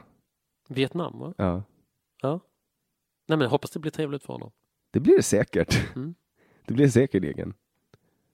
Men, men jag menar, alltså hela, hela vänsterbilden idag baserar sig på identitetspolitik. I den mån då att man, min uppfattning i alla fall av vänstern är att man, man vill dela in folk i eh, olika grupper och så ger man den gruppen till någon och sen berättar man på vilket sätt de är förtryckta Mm. och sen berättar man på vilket sätt man kan hjälpa dem. Det är ju som en, alltså, tänk dig typ en amerikansk säljguru Mm. som, som, som ska förklara för någon, typ Grant Cardone, ska förklara för någon liksom hur du ska sälja så här. Och då ska det typ låta så här. Ja, men, eh, ta, ta, ta en person och, och, och kolla vad den personen har för, för svaga punkter. Vilken minoritet tillhör den? Ah, okej, han är, han är jude. Okej. Ja, men eh, då kör vi på det. För att det ger, det ger, det ger mycket, det är bra poäng. Liksom. Det är högt rankat på, på, på sympatiskalan. Fast, fast det är det ju inte. Nej, alltså, nej, vi nej, snackade alltså, med Aron om det. Ju- Just judarna så här, vänstern tycker liksom minst eh, synd om, om, om, om judarna. Så du, du, får välja Okej, vi tar Palestin. okej, Palestinierna Palestin- ja, tycker de ju okej. synd om. Okej, du är palestinier. Okej, ja, men då, då, då kör vi på det liksom. Och så börjar de liksom rada upp saker som är fel i samhället och så börjar de lysa upp liksom Palestinas värsta fiender, här är judarna. Och förtrycket mot och, och liksom mänskliga rättigheter och hela den här biten. Och sen säljer de det som ett paket. Men röstar du på oss, då fixar vi det. Men det roliga är att, att de försöker ju, de försöker ju vänstern, de försöker äta kakan och ha den kvar Mm. i det att de hela tiden pratar om antisemitism och hur den måste bekämpas. Men samtidigt liksom eh, erkänner Palestina som, som en stat och eh, gör ingenting åt antisemitismen som, som växer i Sverige. Mm. Alltså den riktiga antisemitismen. För där går man liksom på minoritetsgruppen. För att det är ju den, en av de mindre eh, grupperna som, som ställer till med problem för eh, judar är Mm. högermänniskor, alltså nazister. Ish. Det är väldigt, väldigt få. Väldigt få. Men den stora gruppen, det är en helt annan grupp. Mm. Men den vill man liksom inte ta tag i. När, det, när det, det skulle vara så mycket lättare att bara om man verkligen, verkligen agendan var att, att stävja antisemitismen så skulle man liksom ta den största gruppen som är lättast, the low hanging fruit så att säga. Men det, det har man liksom i vänstern helt förblindat sig mot därför att då måste man alienera en ganska stor del av sin bas. Ja, jag tror inte bara det är det, utan jag tror inte riktigt man vet hur man ska göra. För att då hamnar olika typer av identitetspolitiska offerprotokoll i konflikt med varandra. Ja, och det får ju inte hända. Nej, och då, då liksom, det blir alldeles tyst och sen så hör man bara ljudet av den moraliska kompassens snurrande. Liksom. Har du någonsin upplevt kognitiv dissonans personligen? Mm, det har jag säkert, men jag vet inte om jag kan ge ett exempel på rak arm. Alltså, det är ju en, en extremt stark ångestframkallande känsla där man, jag har nämligen upplevt det. Mm. Eh, och, och det är otroligt ångestladdat att inse, för att när man upplever det så skapar, eller åtminstone mig, jag kan ju bara prata utifrån mig, så skapas en känsla av panik där jag tror, jag är galen, jag är knäpp. Det här, det här stämmer inte. Alltså, när man eh, i en, i en stund inser att det jag har trott hela livet inte kan stämma. Det får Mm. inte stämma och så vill man inte att det ska stämma och så får jag får i alla fall panik, alltså en panik, en ångestartad känsla. Mm. Och jag har sett andra uppleva det. Och det är, en, alltså det är, ett, det är ett tillstånd som man absolut aldrig vill uppleva. Mm. Därför att det är en gastkramande upplevelse. Och jag förstår att människor med en väldigt tydlig politisk conviction vill stanna kvar. Det är ungefär som de här jättegamla nazisterna som fortfarande lever, som levde, levde i Tyskland. Det finns ju någon film på någon kvinna, som, någon svensk kvinna som, som eh, visar, hon har en bild på Hitler ovanför sängen och, och hon tror fortfarande liksom på hela den här grejen då, för att hon, hon vill liksom inte släppa de här idéerna. Nu kan du inte publicera det här på Facebook eftersom du har nämnt Hitler. Ja, det, jag, jag publicerar ju inte på Facebook. Det är ju Nej. det som är... Jag, jag använder ju Facebook, men jag blev ju nerplockad från Spotify faktiskt. Därför att jag hade med en gäst som heter René Janetsko som kritisera. Ja, men honom har jag ju träffat. Ja, han är ja. från uh, Östberlin, eller hur? Ja, du träffade honom. Vi du drack Ja. öl med honom när ja, var ja, honom. han var supertrevlig. Ja, och, och han, det samtalet blev bortplockat. Jag spelade in med honom några veckor senare. Vad, vad tusan sa ni i det programmet egentligen? Det var två saker. Det är fortfarande inte helt klarlagt vad det fick. Men han kritiserade DDR. Eh, och han, Det kan man ju rimligt inte bli bortplockad från Spotify för att vara kritisk mot DDR. Nej, men, men sen kritiserar han också feminismen och han kritiserar Socialdemokraterna. För han är före detta socialdemokrat. Ja, Eh, Så, så det, var, det, var, det var de tre sakerna som, som, som han liksom gick på. Eh, Socialdemokrati och feminism slash identitetspolitik. okej. Nu har jag inte lyssnat på samtalet så jag har ingen aning. Men det låter jättekonstigt i mina Mm. öron att de skulle plocka bort det. Nej, Efter det här så, så eh, blev jag inbjuden till Aron Flams podd. För han tyckte att det här var en, en ganska eh, speciell sak som skedde. Alltså att för att jag blev deplattformerad från Spotify och jag har fortfarande inte, än i denna dag, finns inte kvar på Spotify. Mm. Och, och eh, majoriteten av mina streams kommer från Spotify. Så jag är, till, jag är ganska, alltså de har tagit extremt stor marknadsandel på väldigt, väldigt kort tid i podd. De liksom, det bara Mm. läcker över folk till dem. Och det är lite läskigt. Att min, och jag, skick, så här, jag har haft andra supportärenden med Spotify och då hade det löst sig snabbt. Liksom. De har varit jättesnabba. Men just när jag frågar varför finns inte den här podden uppe på Spotify så får jag inget svar. Mm. Så det, det är för mig, alltså, enda gången jag har blivit deplattformerad så är det på grund av att det är någon som har kritiserat etablissemanget. Ah. Mm. Men det här gjorde ju, alltså det här var, det här var verkligen, för jag vet inte vilken eh, gruppering det är som ligger bakom det. Det krävs ju massanmälningar för att det ska ske, så man får ju utgå ifrån att det är en gruppering. Eh, då, så, alltså, de sköt ju sig själv i foten. Det här gjorde ju att jag, de skrev om det i båda tidningar på Åland och sen skrevs det om i en alternativ media och sen eh, plockade Aron Flam upp det. Mm. Och, och jag har, fick så mycket trafik till min podd så att jag trodde inte mina ögon. Ja, men gratulerar. Alltså, Tack. Det kan ju ofta under gynnsamma förutsättningar vara resultatet när de försöker deplattformera. Ja, det, det, det är liksom, och nu, har jag, nu är det en del av min historik. Liksom. Mm. Det är någonting som har hänt. Och jag, jag är liksom för evigt tacksam för de som, som gjorde det. Jag, för skulle jag ha vetat, folk var ju väldigt snabba med att anklaga mig för att själv ha plockat bort det. Eh, men det går inte att göra så. Man kan inte bara plocka bort det från Spotify. Det är inte så att man går in på Spotify och laddar upp det, utan man laddar upp det på en databas och så lägger man ut det i ett RSS-flöde och så Mm. tas det automatiskt av Spotify. Så jag har liksom ingen kontroll över Spotify. Nej, nej, alltså min, min ligger också på Spotify. Ja, och, och folk har, förstår inte, så folk har sagt ja men du har tagit ner det själv bara för att få det. Men skulle jag ha vetat att det här ska ha blivit så stor grej, då skulle jag troligtvis ha gjort det. Mm. Jag tänker inte hymla med det. Men, men, men jag, jag var faktiskt inte tillräckligt eh, smart för att lista ut att, att det skulle funka. Men, men det var en riktigt bra grej för mig. Men, eh, Alltså, men, men sen, du, den där grejen med att liksom så, då eller sådär. Vet du vad, jag, jag är sjukt trött på en, ett inslag inom alternativmedia som är lite grann så här, eller fria medier eller vad man ska kalla dem, som är lite så här Buhuhu, vi, vi är de liksom mest mobbade killarna på skolgården liksom. Vad fan virkar dig en jävla off, offerkofta liksom. Jag är sjukt trött på, på, på att höra det där liksom med att folk som nästan gör det till en del av sin identitet. Liksom att ah, alla försöker tysta mig till höger och vänster. Liksom. Men det är en vanlig grej som jag, som jag ser bland liksom, folk som jag följer i alternativmedia. för jag upplever det som en liten klick Ja. av, av, av liksom martyrer. Ja, men visst, som, som gärna skriver som en badge of fucking honor.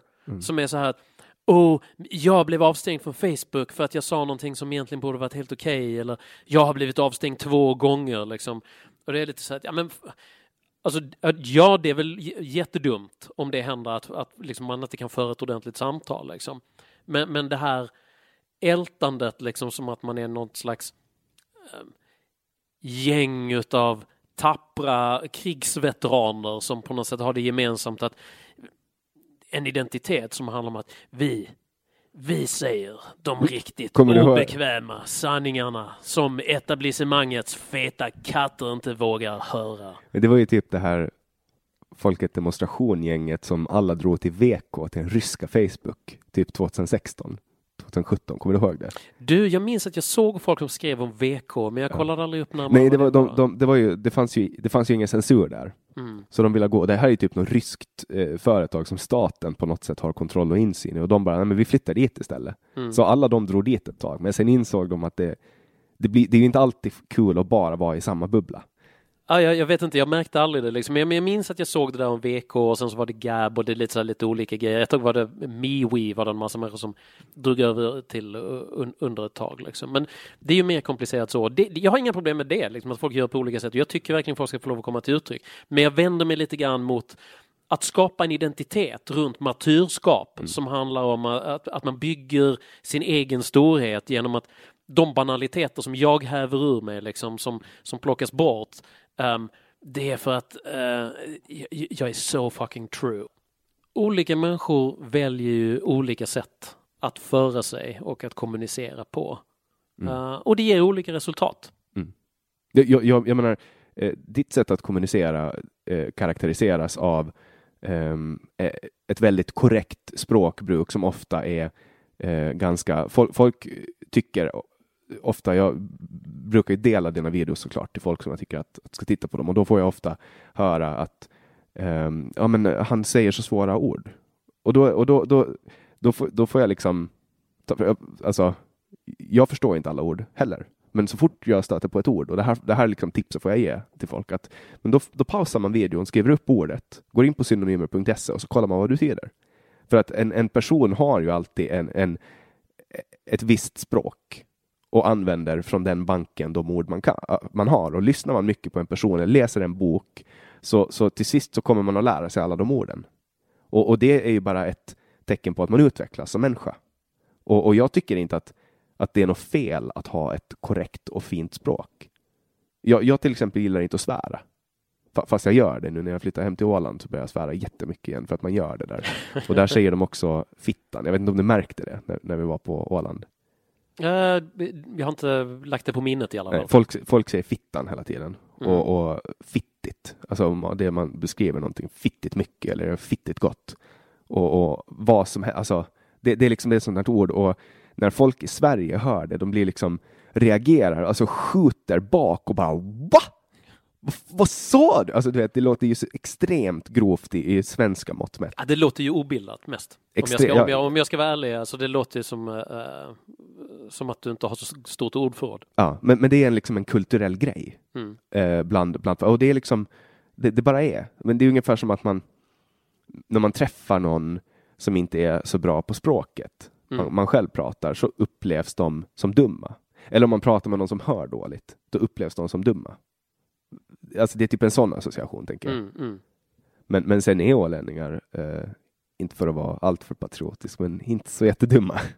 I allmänhet så tror jag att det är en dålig idé att uh, göra generaliseringar överhuvudtaget. Och det håller jag med om. Mm. Och där fick du mig. Jag har ju mina, min bias hela tiden. Jag tycker att Åland är det bästa som finns. Men säg, säg så här. Mitt modus operandi har ju hela tiden varit så här. Att anledningen till att jag försöker kommunicera är samma anledning som gör att jag drivit mina företag. Det vill säga inte huvudsakligen att berika mig själv utan att försöka bidra till att accelerera vår civilisation. Mm. Folk tenderar att förväxla de grejerna. Ja, men du är företagare för du gillar, du vill ha klirr i kassan du och gnida dig själv. Ja, det är klart jag gillar att tjäna pengar. Alltså det, det, det är bra om man gör rätt att man tjänar pengar. Men det stora värdet, det mer betydelsefulla, det är ju livsgärningen. Det man kan blicka tillbaks på på ålderns höst. Vad gjorde jag de åren när jag var som mest produktiv? Skapade jag någonting som var betydelsefullt? Lade jag till någonting till vår civilisation? Och, och, det är samma sak som jag försöker göra med mitt kommunikationsarbete också. Det är, någonting har jag väl lärt mig de här 25 åren som jag har drivit bolag. Och det, det är ju det jag pratar om, det perspektivet som jag redogör för. Och, och då är det ju så här. Om jag vill företräda en frihetlig tradition. Om du vill legalisera cannabis då gör du det bäst klädd i tredelad kostym och slips. Inte i batiktisha. Och rasta. Ja, men exakt. Helt enkelt därför att det är mer effektivt. Ju mer kontroversiell sak du vill säga, desto mer konservativ måste du se ut för att kunna nå genomslag med det budskapet du ska säga. Helt enkelt på grund av hur försvarsmekanismerna hos de som är mottagare som faktiskt kan ändra den här situationen ser ut. Så att det finns en direkt invers proportionalitet liksom, mellan hur radikala saker du kan säga och komma undan med och, och faktiskt påverka med och hur du väljer att presentera dig. Jag menar om du ställer upp dig som en punkare med tuppkam och har ett, ett uppsåtligen liksom, um, vad ska man säga, provokativt paketering. Ja men då kan du nästan inte säga någonting utan en massa människor kommer direkt att vara antagonistiskt inställda till ditt budskap.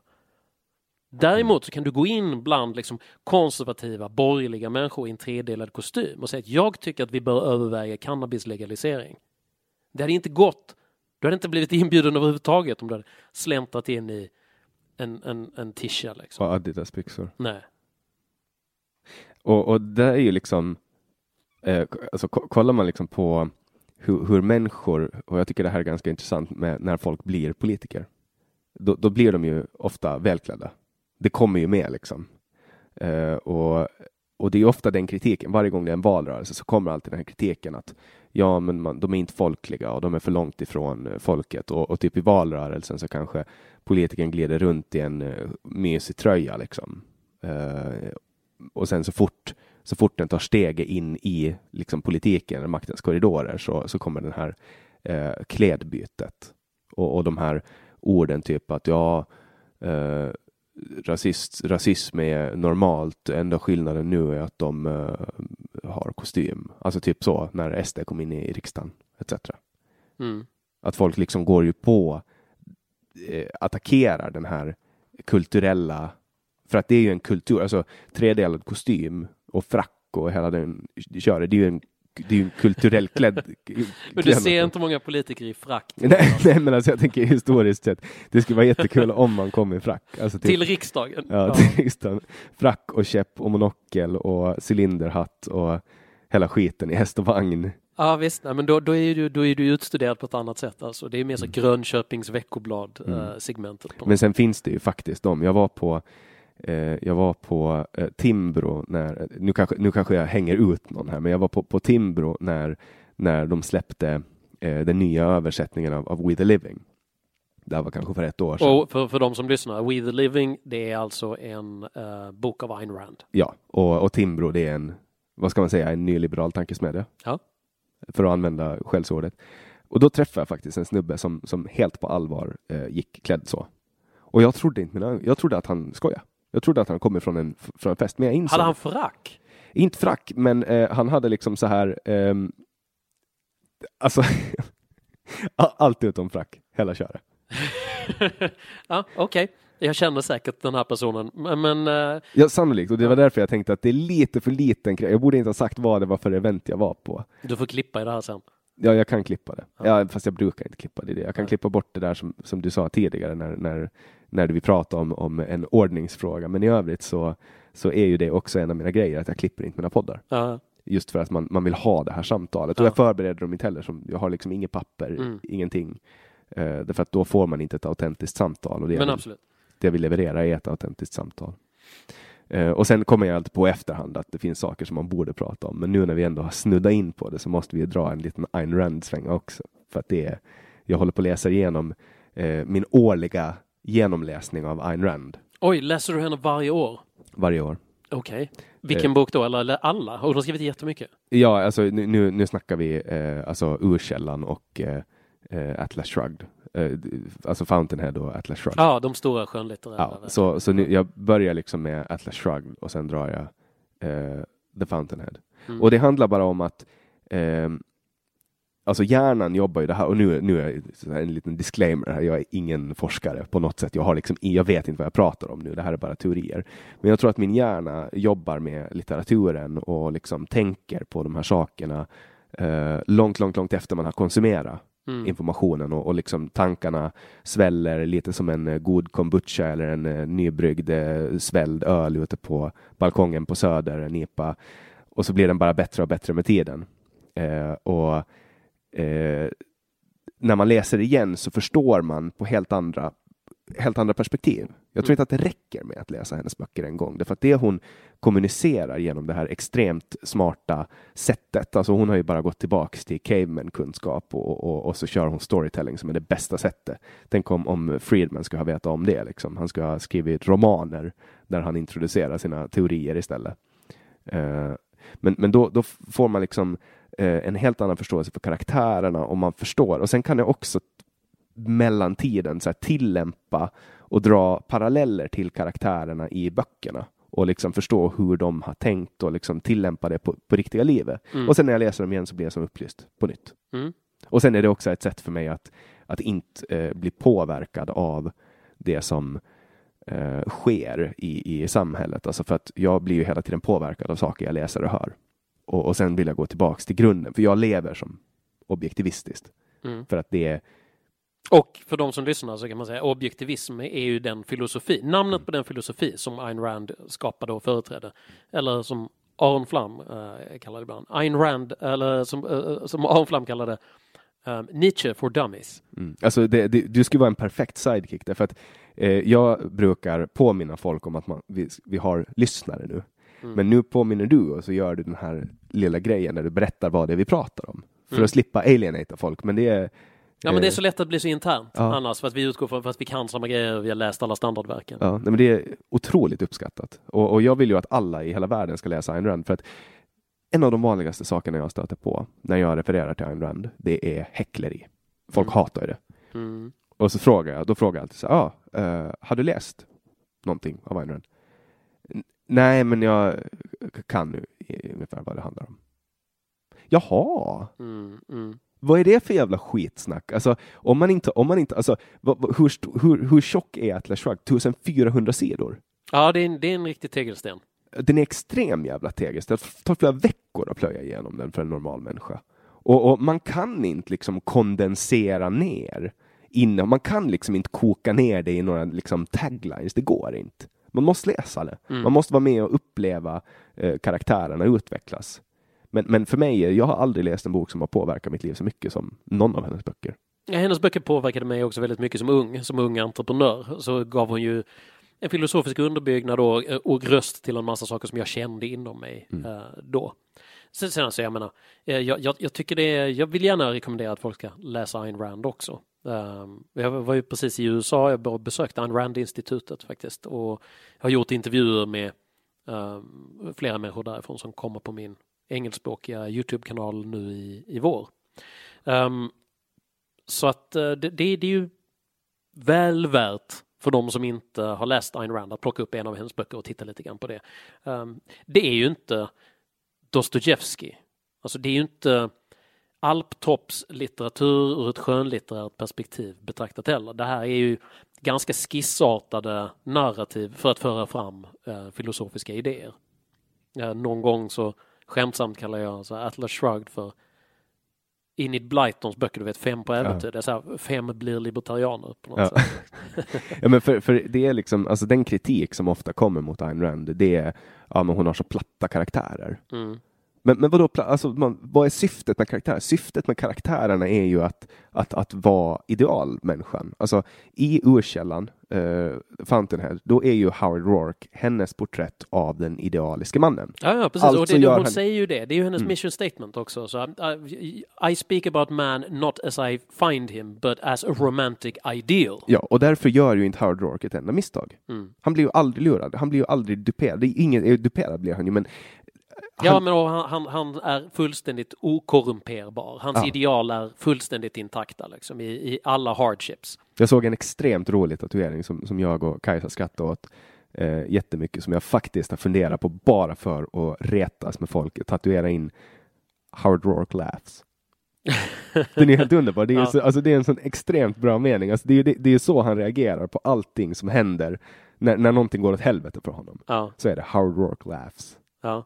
Jag tycker det är så underbart. ja men det är roligt. Så att det, jag, jag har faktiskt funderat på, för jag, jag älskar ju att reta upp folk med att jag gillar Ayn Rand. För att hon är ju liksom demoniserad. Ja, alltså det kanske hon fortfarande är. Alltså, jag, jag vet inte, det känns mer som att det var lite grann förr. Att, att folk har lugnat ner sig lite grann nu. Ja, men folk plockar ju fortfarande bort böckerna från biblioteket. Alltså, Ja, är det så? ja, ja, alltså, och det, här, det, här, det finns ju flera olika teorier på varför Ayn Rand-böcker försvinner från biblioteken. En är att eh, det är för att folk vill behålla dem och en är för att det finns folk som inte vill att andra ska läsa, läsa dem. dem. Ja. Ja. Och det är lite svårt att veta vilken det är. Jag tror att det är en, en eh, växelverkan mellan de här två. Ja, det är ju anmärkningsvärt för att eh, biblioteksböcker ska ju finnas tillgängliga för att alla ska kunna bilda sig. Men det, det, det, är, det är mångt och mycket en problematisk eh, litteratur på det sättet att folk som läser den ofta får den här andliga upplevelsen som gör att man ändrar sitt liv väldigt Mm. mycket. För jag har ändrat mitt liv efter att jag har läst Ayn Rand. Absolut. Jag har tappat massa skam som jag kände förut. För jag har alltid haft ett sätt att leva mitt liv och ett sätt att se på saker. Och sen när jag läste Ayn Rand så insåg jag att, att det sättet, det jag aldrig har kunnat sätta ord på, det är faktiskt en grej. Och det finns andra människor. Och då kommer jag lättare överens med människor. För att istället för att försöka tvinga mig själv in i ett sällskap med konformister så, så kan jag välja ut människor som är individualister som delar min värdegrund så att säga. Mm, Och förstår varför jag gör som jag gör. mm, mm. Jag, jag är, uppskattar alltid när människor säger ifrån. Alltså när människor säger att eh, ett exempel är när, när jag pratar med en kompis och, och vi ska hitta på någonting. uh, och så säger jag, men ska vi gå till ett, till ett äventyrsbad? Och så säger kompisen, uh, jag tycker inte om äventyrsbad. Jag vill inte vara där. Bara en sån liten, liten sak. I den här konformi alltså en konformistisk eh, lagd person ska ha sagt ja men, ja men vi gör väl det och så skulle hon gått dit med en känsla och så skulle det ha byggt passiv aggressivitet etc. Mm. Det där var bara ett banalt exempel men du förstår vad jag menar. Ja, ja. Och då kan jag välja vem jag vill umgås med och det, det är ju, man blir ju som de man umgås. Ja men i, i grund och botten så är det där är ju den kollektivistiska föreställningen att man ska offra sig för andra människors behov. Um, vilket ytterst leder till att alla människor blir alla andra människors slav. Mm. Um, vilket är ett mardrömslikt samhälle. Därför att då kan ingen artikulera sin sanna vilja. Um, alltihop faller ihop som en camembertost. Liksom. Det, det finns ingenting som driver utvecklingen fram. Ja men du vet ju hur de är. Så. Jo, jag vet, men det är så roligt att du använder det. Jag ser hur det står i ugnen, hur du, hur du stoppar in en camembertost i ugnen en fredagkväll och står med ett glas rött vin, vässer mustaschen och putsat monokeln. Du kommer verkligen tillbaks till den där monopolgubben. Exakt, för mig är du en, en riktig monopolgubbe. Ja. Förutom att jag, jag, jag gillar ju inte monopol. Du spelar finans istället. Nej, nej, nej, så jag lär mina döttrar spela spelet Monopol. Men, men jag menar monopol på marknaden. Alltså som, Ja, ja, du gillar inte monopol på marknaden. Nej, nej, jag, jag vill ha fri konkurrens. Fri marknad, fria Ja. människor och... Fri... Patent då, vad tycker du om patent? Nej, men det är klart man måste kunna ta patent på en idé. Mm. Om du har investerat åratal av expertis liksom, till att komma på den idén så, så kan vi ju inte ha en situation där någon bara kopierar din idé direkt och säljer den för ingenting när du Eh, har investerat tio år av ditt liv. Läkemedelsbolags patent på olika eh, atomer och, och kemiska sammansättningar. Ja, alltså det där är ju komplicerade juridiska frågor men upphovsrättslagstiftning är viktig eh, IP som måste kunna skyddas. Annars så kommer du att kullkasta den typen av risktagande som långsiktig eh, research and development eh, liksom, kostar och kräver. Men du är också, som jag förstår det, emot artikel 13. Och, Ja, hela- absolut. och det, det handlar ju, det är mycket upphovsrätt där. Ja, men det, det, där, det, det handlar egentligen om distribution av media online huvudsakligen. Eh, Tidningstexter och eh, liksom, olika typer av media som ska distribueras. Där finns det ju andra debiteringsmodeller. Mm. Eh, det, det, är helt, det är två helt väsensskilda saker att skriva en, en text i en tidning och att utveckla ett nytt raketbränsle som, som då, alltså det två helt, du, äpplen och päron. Jag ser ingen skillnad där. Båda är intellektuell property. Jag ska ta den. Såg du bilden jag skickade till dig tidigare? Eh, jag vet inte vil- vilken, Kolla på den. På, jag, jag tyckte att den var väldigt rolig. Eh, det, det handlar ju om att, att eh, ta andra människors saker. Jag funderar väldigt mycket på det där med redistribution. Alltså att man, man har, kan man få 50,0001 procent av människornas samtycke till att göra någonting, då är det helt plötsligt ur samhällets perspektiv okej att göra det. Alltså att, att helt enkelt ta någon annans saker. Ah, Okej, nu, nu har jag bilden här. Det är ju roligt. Det, det är en bild på Karl Marx i, i en fabrik eh, och så eh, riffar han på maffiaspråk. That's a nice means of production you have there. Be ashamed if someone sees them. Och så är det inzoomat på hans ögon. Det är jätteroligt. Ja, det, var, det var också en, en eh, socialist som laddade upp den eh, på Facebook och det älskar jag. Han, han har varit med här i podden. Alltså jag Ja. älskar det faktum att, att, att båda eh, vad ska man säga, sidor kan, kan samsas i humor, för det där är ju jättekul. Ja, men, men, precis. Det, det där är ju samma sak, att han har den självdistansen liksom, t- till det där. Det är ju samma sak som att jag gör narr av guldmonogram och liksom mono, Ja. monopolgubbe på ett sätt. Liksom. Det är ju att, att man har det självdistansen att, att driva lite grann med sig själv. Men, men som sagt, det, det kräver ju också att, att mottagarna är kapabla till att ha en självdistans själva också så de fattar. Så att, ja, men det, här, det här är ju ödmjukt. Det här Ja. är ett skämt. Det är inte, du, du måste ju nästan vara idiotsavant för att på allvar faktiskt bara tro nej, Usch vad hemskt. är du en socialist som skämtar om Marx? Alltså det här är ju, det här är ju helt, alltså jag får inte ihop det. Det är helt absurt. Ja. Nej, jag, ty- jag tycker att det där är kul och på samma sätt som jag, jag tycker också att humor, eh, man ska alltid få skämta. Mm. Alltså för att det är människans sätt att, att närma sig ett svårt problem eh, som man kanske inte kan bearbeta på något annat sätt. Jag tror att det är en inbyggd psykologisk grej som gör att, att sättet vi bearbetar kollektiva trauman och personliga trauman, det är att skämta om dem. Mm. Och för jag menar, hur ska vi kunna närma oss någonting som ehm, jag menar, alltså, så- det, det klassiska det är ju alltså att så fort det händer en olycka så börjar folk skämta om det. En sån här nationwide eller internationell olycka, typ Estonia-katastrofen eller eh, Olof Palme. Det kommer ju alltid skämt direkt Mm. efter. Och, och min teori där är att det har, det har att göra så att man måste kunna närma sig det. Och, och, och att därför gör man det. Mm. Eh, men, men skämt är ju nästan, nästan förbjudna idag. Där Vi- tycker vi- jag väl att du tar i, Ja, men vissa, menar, du vet var jag kommer ifrån. Har du läst, har du, läste du eh, och vad som händer när jag skojar om droger på Åland? Nej, vad hände när du skojade om droger på Åland? Ja, okej. Du har alltså, jag, jag, trodde att, jag trodde att du hade läst det här. För jag, jag, tror, jag tror jag skickar länken åt dig. Ja men recitera. För, för, det, förlåt om jag inte har läst Nej, nej, det är ingen fara. Det, är så Jag- får, det är så, det är sån kaos i min inbox hela tiden så att Absolut, jag, jag jag, jag missar väldigt mycket. Okej, så jag ställde upp i valet till vårt parlament, Ålands lagting, eh, och blev invald på reservplats. Eh, så medan vi hade regering eh, under övergångsperioden, så, alltså under expeditionsregeringen, så satt jag invald. Eh, så tre dagar efter valet så laddades upp en film på Youtube där det var en, en, eh, en, en eh, youtuber då som berättade om sin relation till droger och hur hemskt det var och att ingen borde göra det. Och så berättade han om en händelse där en kandidat till lagtinget hade sagt att man ska rösta på honom för att han gillar droger.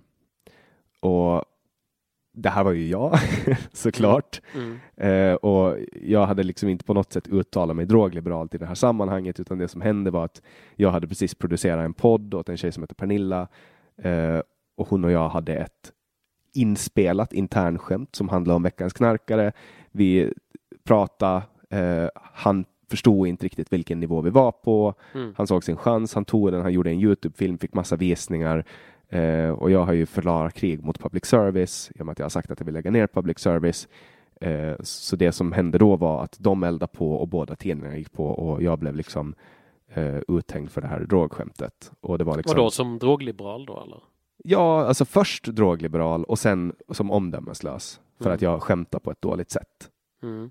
Och då var mitt skämt ett mycket, mycket, alltså jag har dragit många skämt och det där ligger liksom på lågskalan av kontroversiella Ja, skämt. alltså om du liksom. får mig så tycker jag det, det, det du beskriver låter ju inte som att ehm, det skulle vara anledning för att folk skulle bli upprörda. Eh, det låter ju lite lågt i tak om du frågar mig. Jag är utdömd i det åländska samhället och har väldigt svårt nu med vissa saker för att jag är liksom utmålad då som, som den här drogliberala. Och det var på grund av ett skämt. Mm. Nu gled vi in på, på, på martyrskapet också.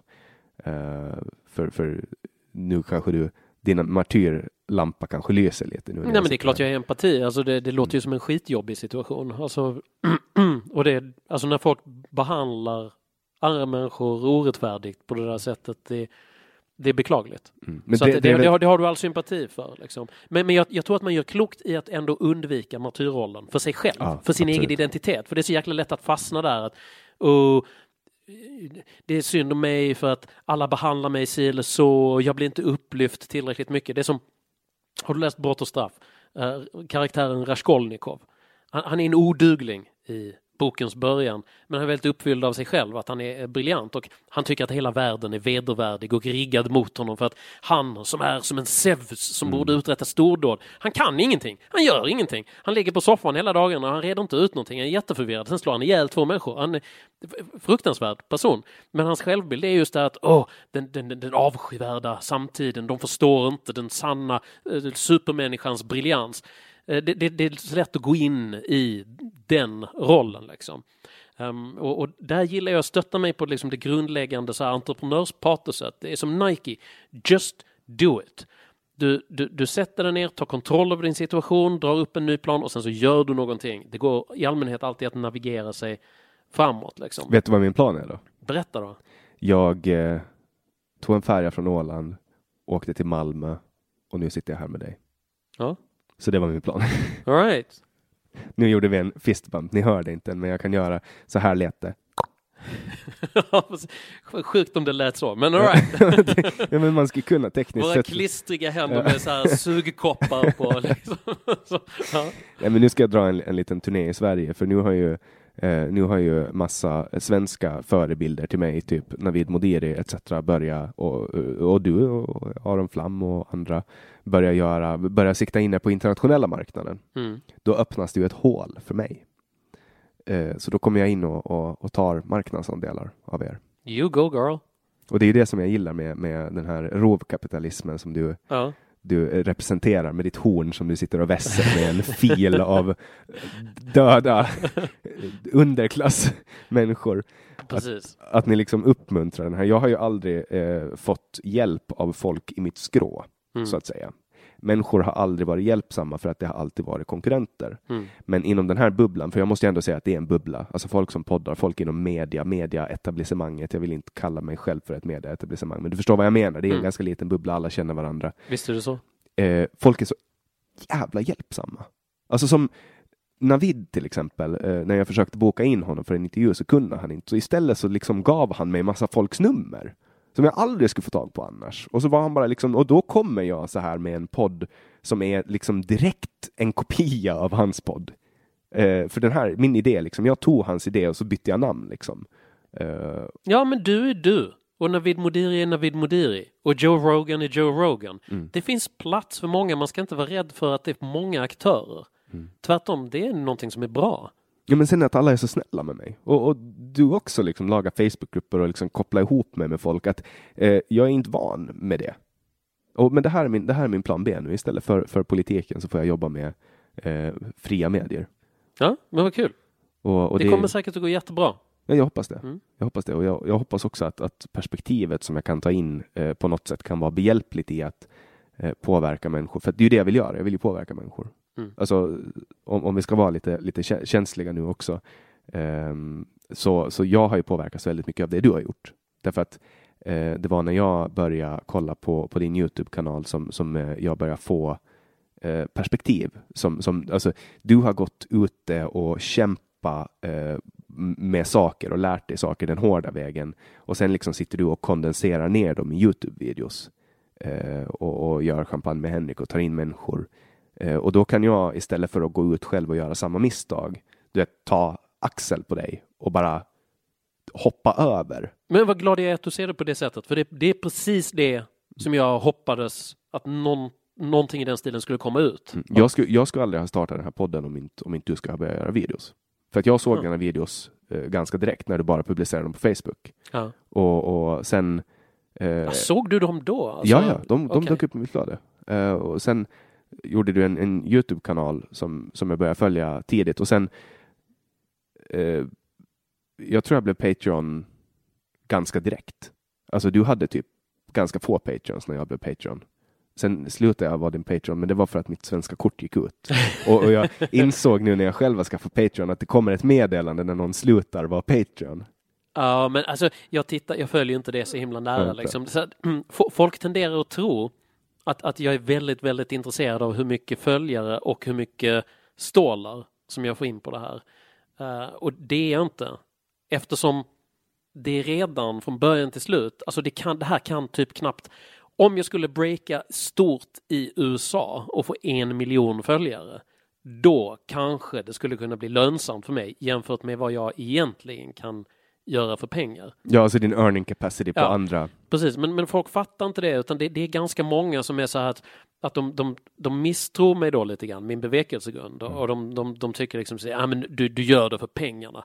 Och det här kommer liksom både från så här, statsmedia, från vänstern då som säger att ja, du är som Swish-journalist, du, du säljer bara alarmism till, till, till folk för att du vill swisha hem pengar. Liksom. Det, det fick kaffepengar man Ja. tjänar i sammanhanget. Ja, det är, det är faktiskt. Alltså, men men jag, jag, jag kan bara se mitt eget Patreon-skaparperspektiv. För att jag fick i, i förra månaden fick jag 500 kronor Mm. eh, på Patreon och det var liksom så här. Alltså wow! 500, någon har liksom frivilligt betalat. Jag har gjort 40 avsnitt. Eh, jag och Didrik har gjort 40 avsnitt utan betalt. Vi har bara haft utgifter. Men du, alltså, det, det ska jag säga, jag, jag tycker också det är någonting som är så himla fint med det. Alltså jag är super, super tacksam för att det finns ju så gammal business uh, saying liksom som är you put your money where your mouth is. Och den finaste komplimang som man kan ge en annan person det är att man bara frivilligt lägga upp en sedel på bordet. Så Ja. Tycker du är värd det här? Utan tvång, utan någonting. Det är så oerhört hedersbetyg. Och du ska veta att de donationerna som folk har gett till mig, det är det du ser här omkring dig. Det är alla de här grejerna, de här eh, lamporna och inspelningsutrustningen. Det är det de pengarna har använts till. Till att försöka producera mer och höja produktionsvärdet. Ja. M- m- Och, och, och det är jättefint och jag är jätteglad för det och den relationen vill jag gärna ha kvar för att det just i sig är det så speciellt att få känna att en person som jag inte känner som jag inte har någon, jag, har, jag gör ändå de här filmerna, har valt av egen lust liksom att ge mig ekonomiskt stöd som ett tecken på uppskattning. Det är extremt, extremt fint. Men sen är det också den här betalningsmodellen, alltså sättet att jag, jag vill inte betala för en tidningsprenumeration. Mm. I, I många fall för att jag tycker att det, men, men sen när jag får välja mina medier, alltså om det finns folk som gör saker gratis och så får jag välja vem jag vill skänka pengar till. Och de jag har skänkt pengar till är ja, det bland annat dig, eh, Aron Flam har jag donerat till. Ehm, och sen, sen, eh, sen, sen har jag, jag har faktiskt inte gett Navid pengar av den anledningen att jag anser att det borde vara så hedrande för honom att jag har kopierat hans podd. så att Okej. jag ansåg... Du får fråga honom Ja, det när du jag pratar ska- med honom. jag ska se. Jag, jag hoppas han lyssnar på det här så får vi se. Men, men han är ju en, eh, han, han är ju liksom, eh, det, det är ju min förebild i det här. Alltså, ja. Men han är jättebra. det Patreon-nivåerna heter till och med eh, samtalsaktivist, samtalsextremist och samtalsfundamentalist. Ja. De olika, jag tänkte ha med samtalssalafist också. Jag skippar det. nej, jag, det är ingen det- bra idé. nej, det var, min, min, det var det jag tänkte också. Ja. Man kanske ska undvika de allt för, för laddade grejerna. Men, men eh, nu, nu, nu vill jag i alla fall ta, ta den här podden till en nivå där jag kan... Eh, för du föreslog ju först att, att vi skulle göra det på Skype. Ja. Eh, men men jag, jag ser inte... Jag, jag, jag, tapp, man tappar för stor dimension enligt mig. Så jag kommer att fortsätta att ösa in pengar i det här projektet och se till att få ut poddar från, eh, från Sverige. För att jag tror att det finns ett, ett perspektiv att hämta eh, från där jag kommer ifrån. Mm.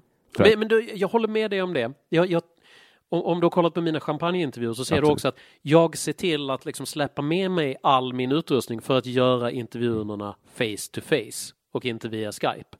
Därför att jag tror precis som du att den nerven som uppstår när man sitter ansikte mot ansikte med någon gör att samtalet blir helt annorlunda än när du gör det via, via kamera, Mm. via, via, via Skype. Det är typ som, som Haveristerna, jättebra podd.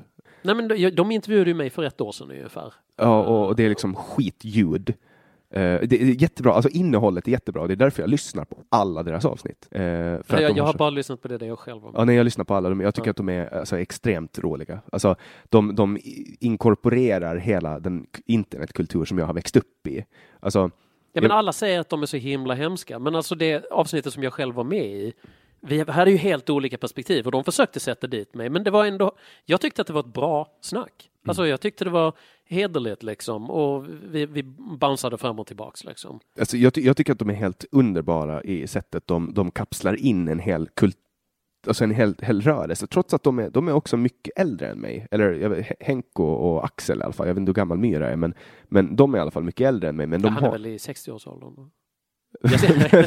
Nej, jag tänkte på vem av dem? Nej, men Axel är väl typ, eh, han är väl typ 40 och, och eh, Henko är väl men, i den åldern också någonstans. Jag vet, ja, nej, jag, jag, har- jag har ingen aning. De, de känns unga.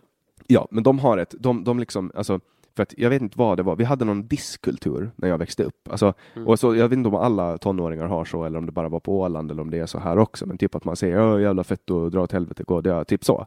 Man är elak med sina kompisar. Mm. Var ni det när du var växte upp? Att det var elaka? Nej, men du, alltså sådär på det där sättet som, som man är, kanske lite mildare, men du vet, man säger liksom, släpper de in sådana som dig liksom? Ja. Alltså, du vet på den nivån. För att det, det de har i haveristerna är en helt underbar jargong som jag tycker är så jävla rolig därför att de bryter alla anständighetsregler. Alltså skulle man säga det där på gatan så skulle man ta med fan bli arresterad om man skulle sitta på en pub och prata som de säger Mm. till varandra. Eh, för att de liksom bryter de här gränserna. De, de total ignorerar eh, alla anständighetsregler och så bara kör de på. Mm. Och eh, när man gör det och när man har den här självdistansen som de har så tycker jag det är helt okej att vara vänster. Ja, alltså, jag, jag har träffat mycket mer intressant vänster på sista år. B- både haveristerna och i synnerhet Myra är smart och rolig att snacka med. Um, och Malcolm Chiune till exempel, som man, och han och Marcus Allard, de beskriver ju sig själva, de är ju materialistiska marxister. Ni har väl till och med något projekt på gång? Du och, Jag och Malcolm håller på att skriva en bok tillsammans. Ja. hur, vad vill du berätta? För att jag har hört dig säga det, men jag, har inte, jag vet ingenting om Nej, innehållet. men jag, jag kan inte avslöja någonting mer för att det är för töntigt att prata om böcker som, som inte är färdiga. Den kommer när den kommer. Jag ser dig eh, som en... Eh, alltså du kommer att vara, om tio år så kommer du vara känd som författare. Och då kommer du att prata om tiden som du gjorde Youtube-videos. Ja, men kanske det. Jag vill brancha ut det här för att det- s- som sagt, jag umgås ju med tanken på att kanske inte fortsätta med, med den här kanalen överhuvudtaget. Vilken jävla nyhetstvist det här kommer. Jag tror jag kommer att göra ett utdrag från att du säger att du kommer att lägga ner din kanal. Sen kommer jag att tagga dig i alla sociala kanaler. Och så kommer jag liksom bygga upp en panik om att eh, Henrik Jönsson är på väg att lämna. Så att människor kommer in till mina kanaler och lyssnar eh, ända till slutet bara för att höra Aha. dig avslöja allt. Ja. Nej, gör inte det. Alltså, det. Det sista jag vill ha är mer emotionellt drivna människor som förpestar min tillvaro. Det, det, det är faktiskt precis det som jag inte riktigt har tid för. Alltså snart får du ju dra en, du får ju bli privat på Facebook. Mm. För jag kan tänka, din inkorg måste vara helt förstörd. Ja, det, det är väldigt mycket som pågår. För där. du är ju ändå så pass öppen, det är bara att lägga till det och skriva till dig. Men, men precis, och jag vet inte, det kanske börjar bli ohållbart liksom. Men, men det, och du vet, det är vissa som hör av sig och sen så är de superindignerade för att jag inte typ direkt svarar på deras grejer. Alltså det, det, det, det är konstigt ehm, att ha de anspråken på en offentlig person. Alltså, Mm. Du, jag skrev ett meddelande till dig i en tråd en gång, så, men du svarar inte. Är du rädd för att svara mig? Jag är ledsen, alltså jag får kanske tusen meddelanden varje dag. Jag, jag hinner inte se dem alla. Jag har, jag har två barn och två företag också. Alltså, Men vad är det som sållar ut? För det var ju så vår relation började. Vad var det som sållade ut eh, mig från att vara en snubbe som skrev till dig på Facebook varje gång du gjorde en film till att vi eh, sitter och poddar? mm, det, det är en bra fråga för jag kommer inte ihåg exakt hur vi blev kompisar. Jag blev, jag började, jag blev Patreon och då, och då när, när, när jag blev din Patreon då, då gjorde jag själv anspråk på att få skriva till dig. Ja, men var, du med i den champagne-lounge-gruppen eller Nej, någonting sånt? inte ens det, utan jag bara, jag bara började skriva till dig Ja, okej. eh, och typ skicka länkar och sånt. Ja, men då, alltså, vet du vad? I så fall var det nog en kombination av ihärdighet och tur, helt enkelt. Eh, men, men sen så det som gjorde att vi blev kompisar, det var ju det att du ville jag skulle komma och göra en föreläsningsturné. Och då tänkte jag, men det kan jag absolut ställa upp på liksom för att om det går att liksom fixa det. Men sen så roddade du det. Och då kvalificerade ju du dig själv som entreprenör i mina ögon. Jag, så, jag sålde. Ja men du, du fixade det du sa att du skulle fixa liksom, som var en, en ganska halvsvår grej att genomföra. Och i, igen liksom, money talks and bullshit walks liksom. Det, du vet, det är en ganska, alltså det säger någonting om en person om du kan få någonting att hända. Mm. Ja, och, och så all kudos till dig. Det var ju jättekul. Vi hade ju supertrevligt då. Ja, det var, det var Mm. jättekul. Och jag, jag hoppas ju på att, alltså, att kunna göra liknande grejer som, som Navid har gjort fast på Åland. För att Åland är ju inte så långt bort. Mm. Alltså, det är 20 minuter flyg, två timmar båt. Ja. Och, eh, och det finns också, jag skickade en länk till dig förra veckan, eller om det var för två veckor sedan. Eh, och nu, nu för tiden förväntar jag mig inte att, att varken du eller Aron eller någon ska läsa det jag skickar, men eh, att hemskolningen, eh, alltså folk kommer till Åland för att hemskola sina barn. Mm. Därför att på Åland så har vi läroplikt. Så att man behöver, det, det enda lagen säger är att man ska kunna eh, ämnen för att, till en viss nivå för att få gå ut grundskolan. Okej. Men här i Sverige har man närvaroplikt. Så Ja. man ska ha en viss kvot där man sitter i skolan. Eh, så därför så får man hemskola på Åland. Och det får man inte här. Ja. Så nu, nu börjar vi få ett helt nytt klientel av inflyttning till Åland som är en, ur mitt perspektiv, jättebra form av inflyttning. Eh, därför att man, man flyr från ett system som man upplever som havererat. Mm. Och, och, och, så kommer man till Åland för att bygga någonting nytt, lite som när folk stack till USA. Mm. Eh, när de emigrerade för att det fanns för lite mat och jobb här och så bara systemet havererar, men fan vi flyttar någon annanstans och så kommer de till Åland som är land of opportunities och inser vad vi har liksom. Mm. Eh, och, och, jag hoppas att på något sätt kunna vara behjälplig i den processen för att Åland är ett jättebra ställe. Ja, det var jättefint när vi var där. Och det finns ju, alltså det är en, ett entreprenörskapsmecka måste man ju ändå få. Eh, alltså vi har ju Viking Line och Eckerlinjen, alltså Birka Stockholm och eh, alla rederier och Ålandsbanken. Alltså det, det finns jätte, jättestora företag och möjligheter på Åland. Nu låter det som att du har spons av Åland. Alltså, ja, men jag är ju Åland. På, sen, så att, men det absolut. Eh, och mer kan ni läsa om på... om du surfar in på www.aland.ax. Ja, det, sen finns ju aland.com eh, och det är Ja. typ, man kan typ söka telefonnummer där. Ja. Nej, men sen, jag vet inte, alltså, jag, jag vill ju bara att, eh, jag vill ju leva mitt liv på Åland, Mm, men jag vill verka i Sverige. Mm, Och nu försöker jag liksom på något sätt uppnå en, en modell där, alltså ett, ett, sätt för mig att kunna göra det. jag förstår. Mm. Typ kunna resa runt och Airbnb som jag gör nu. Mm. Ja, men då kommer du märka att det, det, det kostar ju pengar att göra det här. Att kajka runt och göra de här resorna och ta med sig utrustningen och rigga upp och bjuda in folk och flyga över folk eh, Ja. etc. Ja, och där, då, lösningen på det är ju att man helt enkelt går in på www.patreon.com samtal. Nu låter jag som, som, som dig och Aron Flam och Navid och alla som, som begär om pengar. Ja, men, men det, det får man ju göra alltså om, om man ska fortsätta. Men det är svårt. Det är skitsvårt. Och människor hatar det. Jag, det är massa, jag ser varje dag hur min friends list går ner. Varje gång jag lägger upp någonting om Patreon så, så är det någon som tar bort mig från Facebook och det är ganska roligt Mm. eh, på ett sätt. Liksom. Men vad ska man göra? Jag, vill ju, jag tycker det här är kul. Ja, alltså jag, jag paketerar ju bara det att jag berättar att de kan stötta mig i mina filmer. För då har jag redan levererat produkten och det är, så, det är upp till dem. Men, men jag säger, jag ägnar tio sekunder åt att säga det. Det är så här det här fungerar. Anledningen till att jag kan flyga ner gäster hit eller att jag själv reser till ställen för att intervjua folk. ehm, det är att jag använder kapital som kommer in. Men huvudsakligen så finansierar jag det själv. Men, men deras stöd betyder mycket. Och är det så att folk inte är intresserade nog för att lägga in en hundring, ja men då kommer jag ju till sist att sluta med det.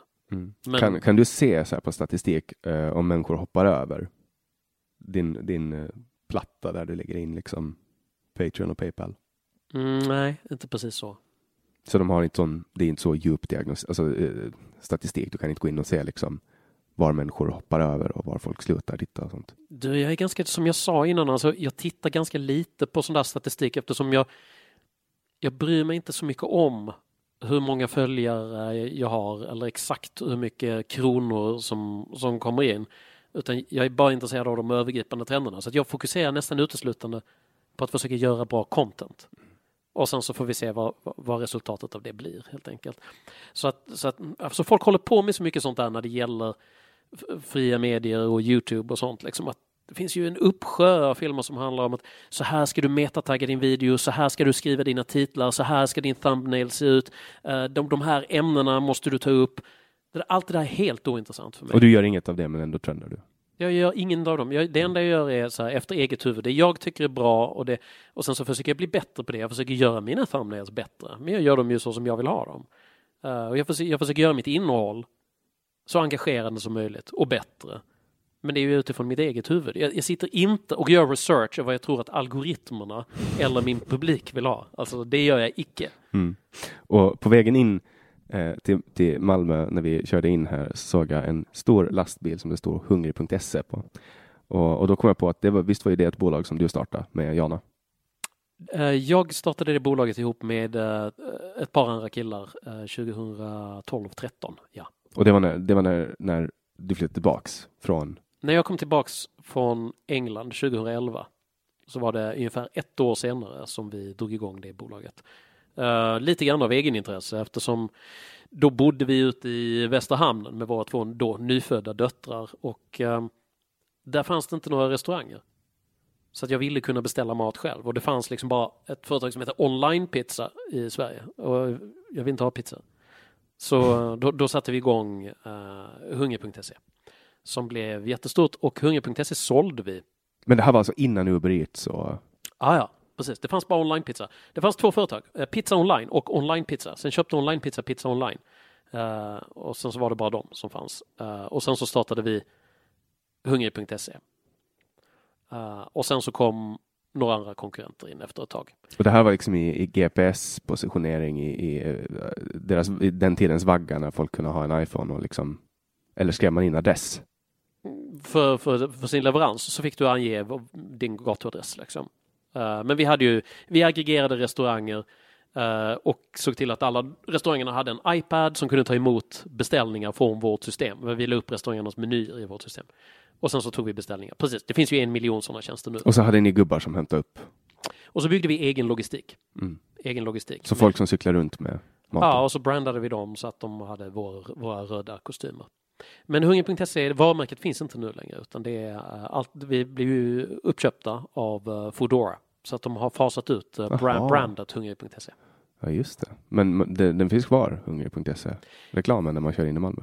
Ja, ja, ja, den står på en stor släppvagn ja. där ute. Ja. Och den är väl för jobbig att ändra, antar jag. Uh, så det menar... var Foodora som köpte upp? För jag kommer, ihåg, jag, jag, kommer ihåg att det här var när du var på Åland, så uh, du måste hasta iväg på ett möte och du kunde inte berätta någonting om det, du bara skulle iväg. Och sen uh, läste jag i tidningen samma dag som du hade åkt, mm. att, du hade, att du hade haft ett möte och sålt Hungrig.se. I princip, det var precis i den vevan som ja, det var, det var så, du flög, Jag tror att du flög från Åland till Stockholm och sen vidare dit där du signade eller någonting. Jag läste det samma ja. dag som du får det. Men, men, men så, det stämmer nog. Uh, för det var precis i den vevan allting blev klart. Och då hade vi hållit på i ett helt år med due diligence och det, det är en väldigt komplex apparat när det är en sån stor affär. Uh, Hur känns det att sälja en baby sådär? Det kändes uh, både vemodigt men också som ett bra steg framåt för oss. För att då hade vi drivit den verksamheten i sju år. Um, och uh, det var, det var rätt steg för oss att kliva vidare och lämna över stafettpinnen till en organisation med större finansiella muskler än vad vi hade. Uh, som då kunde driva på en, en snabbare skalering än, än, vad vi kunde. Vi hade behövt ta in equity-kapital för att kunna skalera självständigt i en högre satsning och då hade vi ändå fått in externa styrelseledamöter i vår styrelse, vilket ingen av oss ville, etc. Så det, det, det, var, alla var nöjda. Är det, är det din första exit? Mm, nej, min första exit var redan på 90-talet. Uh, eh, jag, jag, lämnade ju mitt första bolag uh, som köptes upp av en serie andra bolag i under dotcom-boomen. Så att jag, jag lämnade innan, innan allting sjönk ihop igen. Hur känns det att vakna dagen efter en exit utan jobb och med massa pengar på kontot? Uh, du får fråga någon som har upplevt det där med att stå utan jobb. För att jag har ju många verksamheter igång. Okej, okay, men utan det jobbet som du har haft de senaste sju åren? Ja, utan det jobbet. Nej, men uh, det kändes spännande och för mig så känns det alltid som en ny start. Att det är så att, ah, okej, okay, vad ska vi, nu har vi lite mer kapital och jag har lite, lite mer tid. Vad ska vi göra nu? Och det är en super, bästa känslan i världen för mig. Så att, du vet, med pigga ögon kunna titta på liksom, wow, vad ska men, vi hitta på? Men det du valde att fokusera på då var att, att liksom steppa upp Youtube-gamet, eller? Just då var det det som intresserade mig mest. Um, så, så det har jag gjort. Och um, det är fortfarande min huvudambition nu att se om det går att göra någonting mer med det. Men det beror på om intresset är stort nog för det content som jag gör. Jag tänker inte anpassa mitt innehåll. Utan om det är så att om folk är intresserade av den typ av saker som jag gör, då kan jag tänka mig att skalera upp det här och göra mer content. Um, annars så släpper jag det nog om ett tag. Är det kul att vara rik? Uh, jag ser inte mig själv som så finansiellt rik överhuvudtaget. Uh, men det är bra att inte vara fattig. Um, eftersom det gör att man har möjlighet att navigera lite bättre. Det vill säga om, om jag vill sätta igång ett nytt projekt så behöver jag inte spendera så många år i att försöka lyfta någonting från grunden upp som när jag var ung. utan nu kanske jag kan sätta in ett lite robustare kapital från början, vilket gör att det direkt går att anställa någon eller några personer för att få någonting att lyfta snabbare. Min definition av rik är att eh, kunna eh, äta ute varje dag utan att det påverkar ekonomin. Men det är klart att det påverkar ekonomin. Nej, men, ja, men du förstår vad jag menar. Det, det, gör inte att du kommer att behöva skära i någon annan ända för att du väljer att, eh, utan att det snarare eh, och då pratar jag på ett ganska mycket mer djupare plan. Jag tänker på att eh, man sparar så mycket tid på att äta färdiglagad mat för att ens ja. tid är värd så mycket eh, så att man gör en ekonomisk förlust om man använder sin tid till att laga mat mer än för rekreation om du förstår vad jag menar. Ah, Okej, okay. vilken udda definition på rikedom. Men, uh, ja, men, ja, men det, är, det är ju därför man har ett jobb från första början. För att kunna äta? Ja. Exakt. Alltså, det är ju där, det är där, liksom, eh, det är där måttstocken går för det, det, kanske, det kanske låter lite ytligt men, men, uh, i, i första anblick. Men... Ja, men i sin mest primala form, absolut. Ja. Man arbetar för att uh, i sitt anlete svett uh, förtjäna sitt bröd. Ja, mm. man, man, jobbar för att äta och, och liksom Eh, för att man jobbar ju för, att överleva. Det är mm. det som är grunden. Mm. Nej, men det är ingen i min familj som behöver bekymra sig över mat på bordet. Mm. Och det är min värld, att man är, eller att man kan eh, lämna det man gör utan att eh, alltså att du kan sitta hemma i en månad utan att det påverkar dig nämnvärt ekonomiskt. Liksom. Nej, men det, det går förstås också. Men exempelvis att och det, det här är ju så här. Igen, jag, jag sa ju när vi började det här samtalet att en av anledningarna till att jag började göra videos, det var att jag ville förklara en företagsekonomisk verklighet som handlar om vad vinst var etc. Kunskapen om hur företag fungerar är väldigt, väldigt låg hos folk i allmänhet. Därför har folk Många har väldigt svårt att förstå hur ekonomi funkar överhuvudtaget för att man är van vid att man får en paycheck och sen ska den paychecken täcka ens kostnader. Och det är så ekonomi är företagsekonomi fungerar ju på en lite, på en lite annan plan liksom. Men, men om man tittar på att driva en podd så som du gör eller att driva min Youtube-kanal som jag gör med det innehåll som jag har och de gäster som jag har, de resor, transportkostnader och annat um, så, så gör det ju en total, en bruttokostnad inkl, inklusive alternativkostnad på någonstans mellan 700 000 och en miljon årligen för att producera de 52 videos plus då ett 20-tal intervjuer som, som jag gör. Um, men det, det, där har folk skitsvårt att förstå. För att det, det, går ju att göra ett litet tag och säga att ja, men all right, jag, jag sänker några hundratusen kronor i det här av mitt hjärtas godhet. Men det, det finns ingen långsiktig bärighet om det är så att folk inte bidrog överhuvudtaget. Det är bara SVT som kan göra det. Ja, Fortsätta precis. med program som ingen bryr sig om eller tittar Ja, ja men, men, men, men exakt. Så, så att, för att där är det folk som reagerar som tänker, men du som har företag, liksom, du, är ju, du är ju rik, du kan väl göra det här ändå? Så att, jo, jo, men vet du vad, om du ska göra någonting som är ofinansierat och olönsamt, då räcker bara det ett tag. Efter två år så har man bränt två miljoner kronor. Och då är det så att, ja men nu får jag sluta för att nu kan jag inte lägga mer pengar på det här. Under den perioden som man gör det, om man istället bygger upp och säger att ja, men jag har en delfinansiering till 65 procent mm. av mina tittare.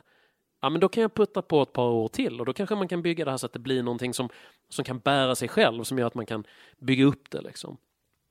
Men, men just den där missunnsamheten som kommer liksom från det socialdemokratiska arvet, liksom, att där man tycker att ja, det är rige de kan och du kan min själ använda dina egna pengar och du borde städa ditt eget hushåll. Och den typen av grejer liksom. Det är som att du ska be en hjärnkirurg då liksom. Som att ja, men han kan operera folks hjärnor men, ja, men han kan gott städa hemma. Eh, så är det inte bättre att ni låter honom, typ, vi fixar någon som städar åt hjärnkirurgen så kan han operera en hjärna till. Så, ja, de ska också veta hur man jobbar. Mm. Alltså den missunnsamheten tror jag är så här, ur ett rent civilisatoriskt perspektiv extremt destruktiv. Det är då man ska dra till Golds Gulch med sina polare. Ja, man, man känner ju att man vill det i alla fall. Ja, folk är snälla och, och välvilliga och strävsamma. Det finns en eh, finansman som, som läste Ayn Rand på semestern och sen stannade han kvar på semestern. Han strejkade. han läste ja. Atlas Shrugged. ja. Jag vet inte om det är sant, men det är en ganska rolig grej. Ja. Grejen med en strejk är att den måste ju ske kollektivt annars. En enmansstrejk är sådär. Det är som att, som att du och jag skulle strejka från våra poddar. Ja. Det, det, blir inte så stora samhällsekonomiska Det skulle väcka en viss irritation hos Endel Ja, jag skulle antagligen få, få några hundra mejl. Hallå, varför kommer inte din video? Eh, vad, vad, eh, vad är det som får dig att göra att du, att du faktiskt släpper videorna varje, varje månad eller varje vecka? Vad är liksom din drivkraft till att, att för du skulle ju kunna skjuta på det en dag. Nej, det är jätteviktigt. För att det handlar om självdisciplin.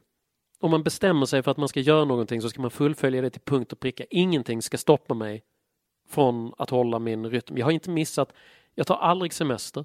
Jag har inte missat en enda vecka på två och ett halvt år. Varje lördagsmorgon 08.00 kommer det en video av Henrik Jönsson. Det är en del av det avtalet som jag gör som i den service som jag ger mina tittare. Blir du klar med den på fredag klockan 23.00? Jag har typ ingen framförhållning utan jag producerar en ny video varje vecka. Någon gång emellanåt så har jag haft en buffert där jag haft en video som i nödfall inte har varit fullt så tidsberoende som jag släppt liksom två, tre veckor efter att jag gjorde det. Det har hänt vid kanske två tillfällen. Men det är också videos som ska produceras för då innebär det att jag har gjort två videos i en vecka för att ha en extra om jag vet att, ja men nu när vi var i USA till exempel då visste jag att vi skulle vara jetlaggade och det skulle vara svårt att hinna få igång produktionen för att göra en hel video direkt när jag kom dit. Så då hade jag en extra förberedd. Men det finns alltid en ny obesedd Henrik Jönsson-video varje lördag uh, klockan 08.00. Mm. Och där har jag faktiskt tagit efter dig genom att uh, se till att, att varje vecka leverera en podd utan undantag. Uh, också för att jag är rädd för att um, öppna Pandoras ask att, att om jag en gång skippar det mm. en vecka. Att det, men sen får jag också en extrem påtryckning för att folk sitter och väntar på att podden ska släppas. De vet att det kommer tisdag vid midnatt, mm. natten till onsdag. Och om den inte är ute då, alltså en gång var den en timme försenad mm för att Didrik hade eh, satt in eh, en annan tidszon. Och under den timmen så fick jag liksom börja få folk som skrev på Facebook, hallå var är podden? Ja, men, men det är ju roligt. Alltså det är så himla eh, motiverande när folk är så engagerade, för att det får jag också. Det har hänt vid några tillfällen att just Facebook-släppet har blivit försenat på grund av att Facebooks servrar liksom inte har velat ta emot videon eller jag har varit någonstans där uppladdningen plötsligt har strulat liksom. Uh, och då finns ju videon ändå på, på Youtube, för att där kan man ladda upp den i förväg och sen så liksom säga att den ska publiceras. Det kan man på Facebook också? Uh, ja, men bara om du gör det via en page. Jag gör det ju på min personliga Jaha, profil. Jaha, du har, okej. Okay. Ja. Du, har, du har inte monit... Alltså för att du kan ju, det finns ju jättemånga fördelar med att eh, ha en, en eh, sida, en Facebook-sida. Jag vet, det finns jättemånga fördelar, men jag har valt att ha det här privata anslaget mm. och det igen, jag monetiserar ingenting. Jag har inte monetiserat min YouTube-kanal och jag har inte monetiserat min Facebook. Jag litar bara på att folk frivilligt ger mig pengar om de tycker att det är värt någonting. Och det är igen för att slå hål på den här idiotiska vänstermyten om att du gör det här för pengarna. Mm. Um, men om du skulle kunna tjäna pengar på, på Facebook, alltså det jag tänker på att en entreprenör ser ju möjligheter. Mm. Och jag menar, du borde ju kunna se möjligheten att sälja typ som Aron som säljer koppar och muggar och grejer. Och ja, men mer merch tänker jag absolut titta på. Um, för att det är en produkt som folk köper frivilligt. Mm. Och, och, sen så får vi se beroende på var vi landar på Youtube. Det är möjligt att, att jag kommer att ha annonser på de där filmerna någon gång i framtiden. Jag utesluter inte det om det är så att um, vi behöver göra någon slags satsning för att få upp produktionstakten. Men uh, jag har inte gjort det hittills. Mm. Nej, annonser är, alltså, jag menar, det är verkligen att, att sälja sig själv kort till Youtube för att de ger ju en jätteliten del av, mm. av alltså en, en orimligt liten del till i, i, mitt, i mitt, ur mitt perspektiv i alla fall. Mm, mm. Alltså jag har sålt och köpt reklam Eh, och, och, det som Alltså det som betalas ut till Youtube-användare och det som de tar in är liksom Det är ingen schysst ratio så att säga. Nej, det, det som sagt. Jag har huvudsakligen inte varit intresserad av stålarna helt enkelt. Mm. För jag tänker att, att um, din earning potential bör ju ändå vara ganska stor inom området typ slipsnålar och sånt. Någonting som kan vara ja. typ, eller, eller... Vi får se, jag har tagit fram en sån här uh eh, kavajpin ja. med, med mitt monogram. Ja. Så den ska vi ha och sen så ska jag väl jag ska väl släppa någon egen bok nu med nu i vår eventuellt om vi hinner innan uh, turnén som. Aron och jag ska ut på. Berätta lite om din turné med Aron. Vad ska ni göra? Vi, um, vi kommer att göra ett sätt som är att jag håller en monolog på 20 minuter. Aron håller en monolog på 20 minuter. Eh, sedan så har vi ett samtal eh, sinsemellan och med publiken i eh, ungefär 40 minuter. Mm. Det låter ju jättetrevligt. Ja, Hot Tour Hot Talk tänker Mm. vi att eh, det har vi som arbetsnamn på den. Jag har ju sett en eh, föreläsning som du och Johan Norberg har. Eh, The Triumph of Capitalism. Ja just det, det var 2015 det. Ja, den är, jag, jag tycker att du är en otroligt bra föreläsare. Tack! Eh, alltså, och för mig är det liksom, jag tycker bara att det, alltså, jag, jag förstår inte varför inte du föreläser mer än vad du gör. I och med att du har liksom ett väldigt pedagogiskt sätt att, att föreläsa. Du behöver inga eh, slides.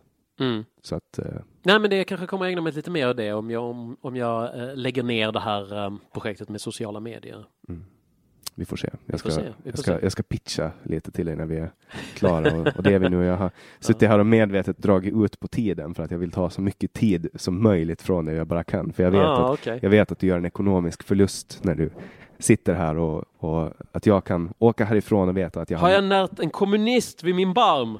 Jag tror det. Mm, Jag tror det. För att huv, huvudsaken är inte att jag har fått någonting. Huvudsaken är att du har förlorat någonting. Mm. Ja, du tänker verkligen som en socialist nu. Ja, ja, alltså jag är fullblown. Eh, socia- jag har, ju- nu har jag suttit och lyssnat på din rovkapitalism och nu är, Ja. nu är jag övertygad om att ditt sätt att konstruera världen inte funkar. Ja. Så nu behöver vi helt enkelt beslagta eh, produktionsmedlen. Ja, precis. Ja, För att det, här, det här rädda- samtalet har ju kostat mig ungefär 3000 spänn. Ja, vi måste rädda klimatet och ungdomen och nationen och fackföreningsrörelsen. Och är det någonting jag har missat? Vad behöver räddas? Det som verkligen behöver räddas är den, den, den fria entreprenöriella andan. Okej, då, ska vi, då ska vi släppa lös dig för du får avslutningsorden. Du får, du får dra iväg, alltså håll ett brandtal eh, och sen tackar jag för oss och sen, eh, sen är det klart. Okej, det här har jag ju inte förberett, men här kommer mitt brandtal.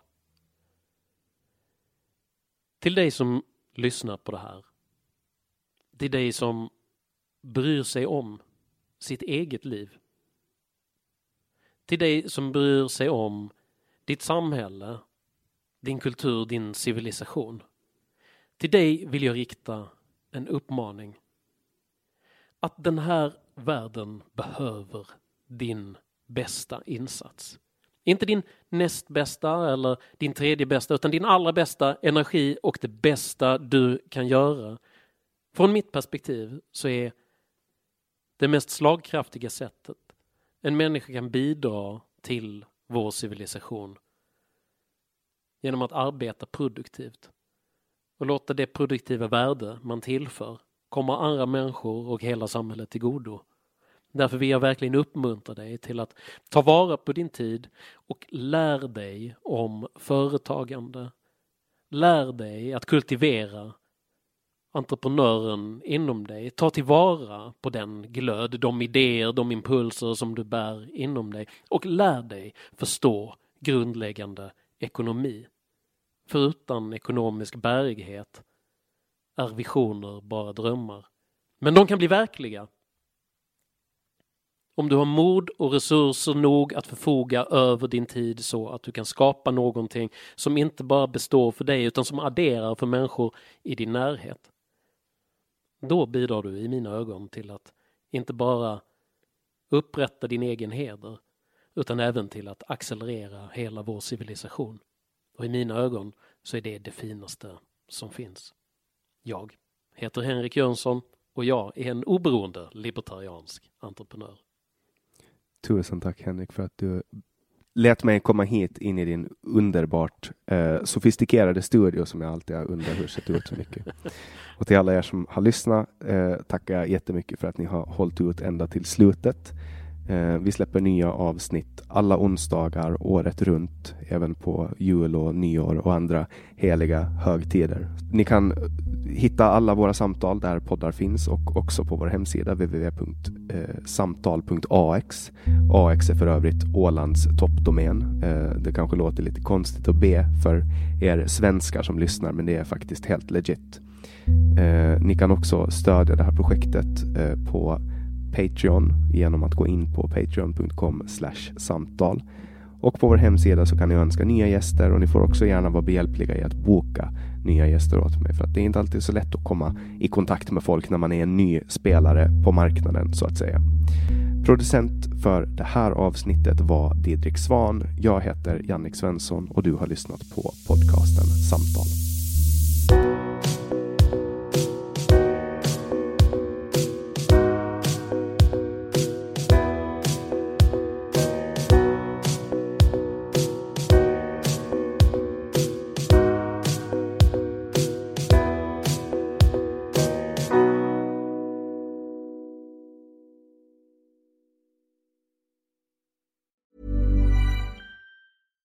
Even when we're on a budget, we still deserve nice things.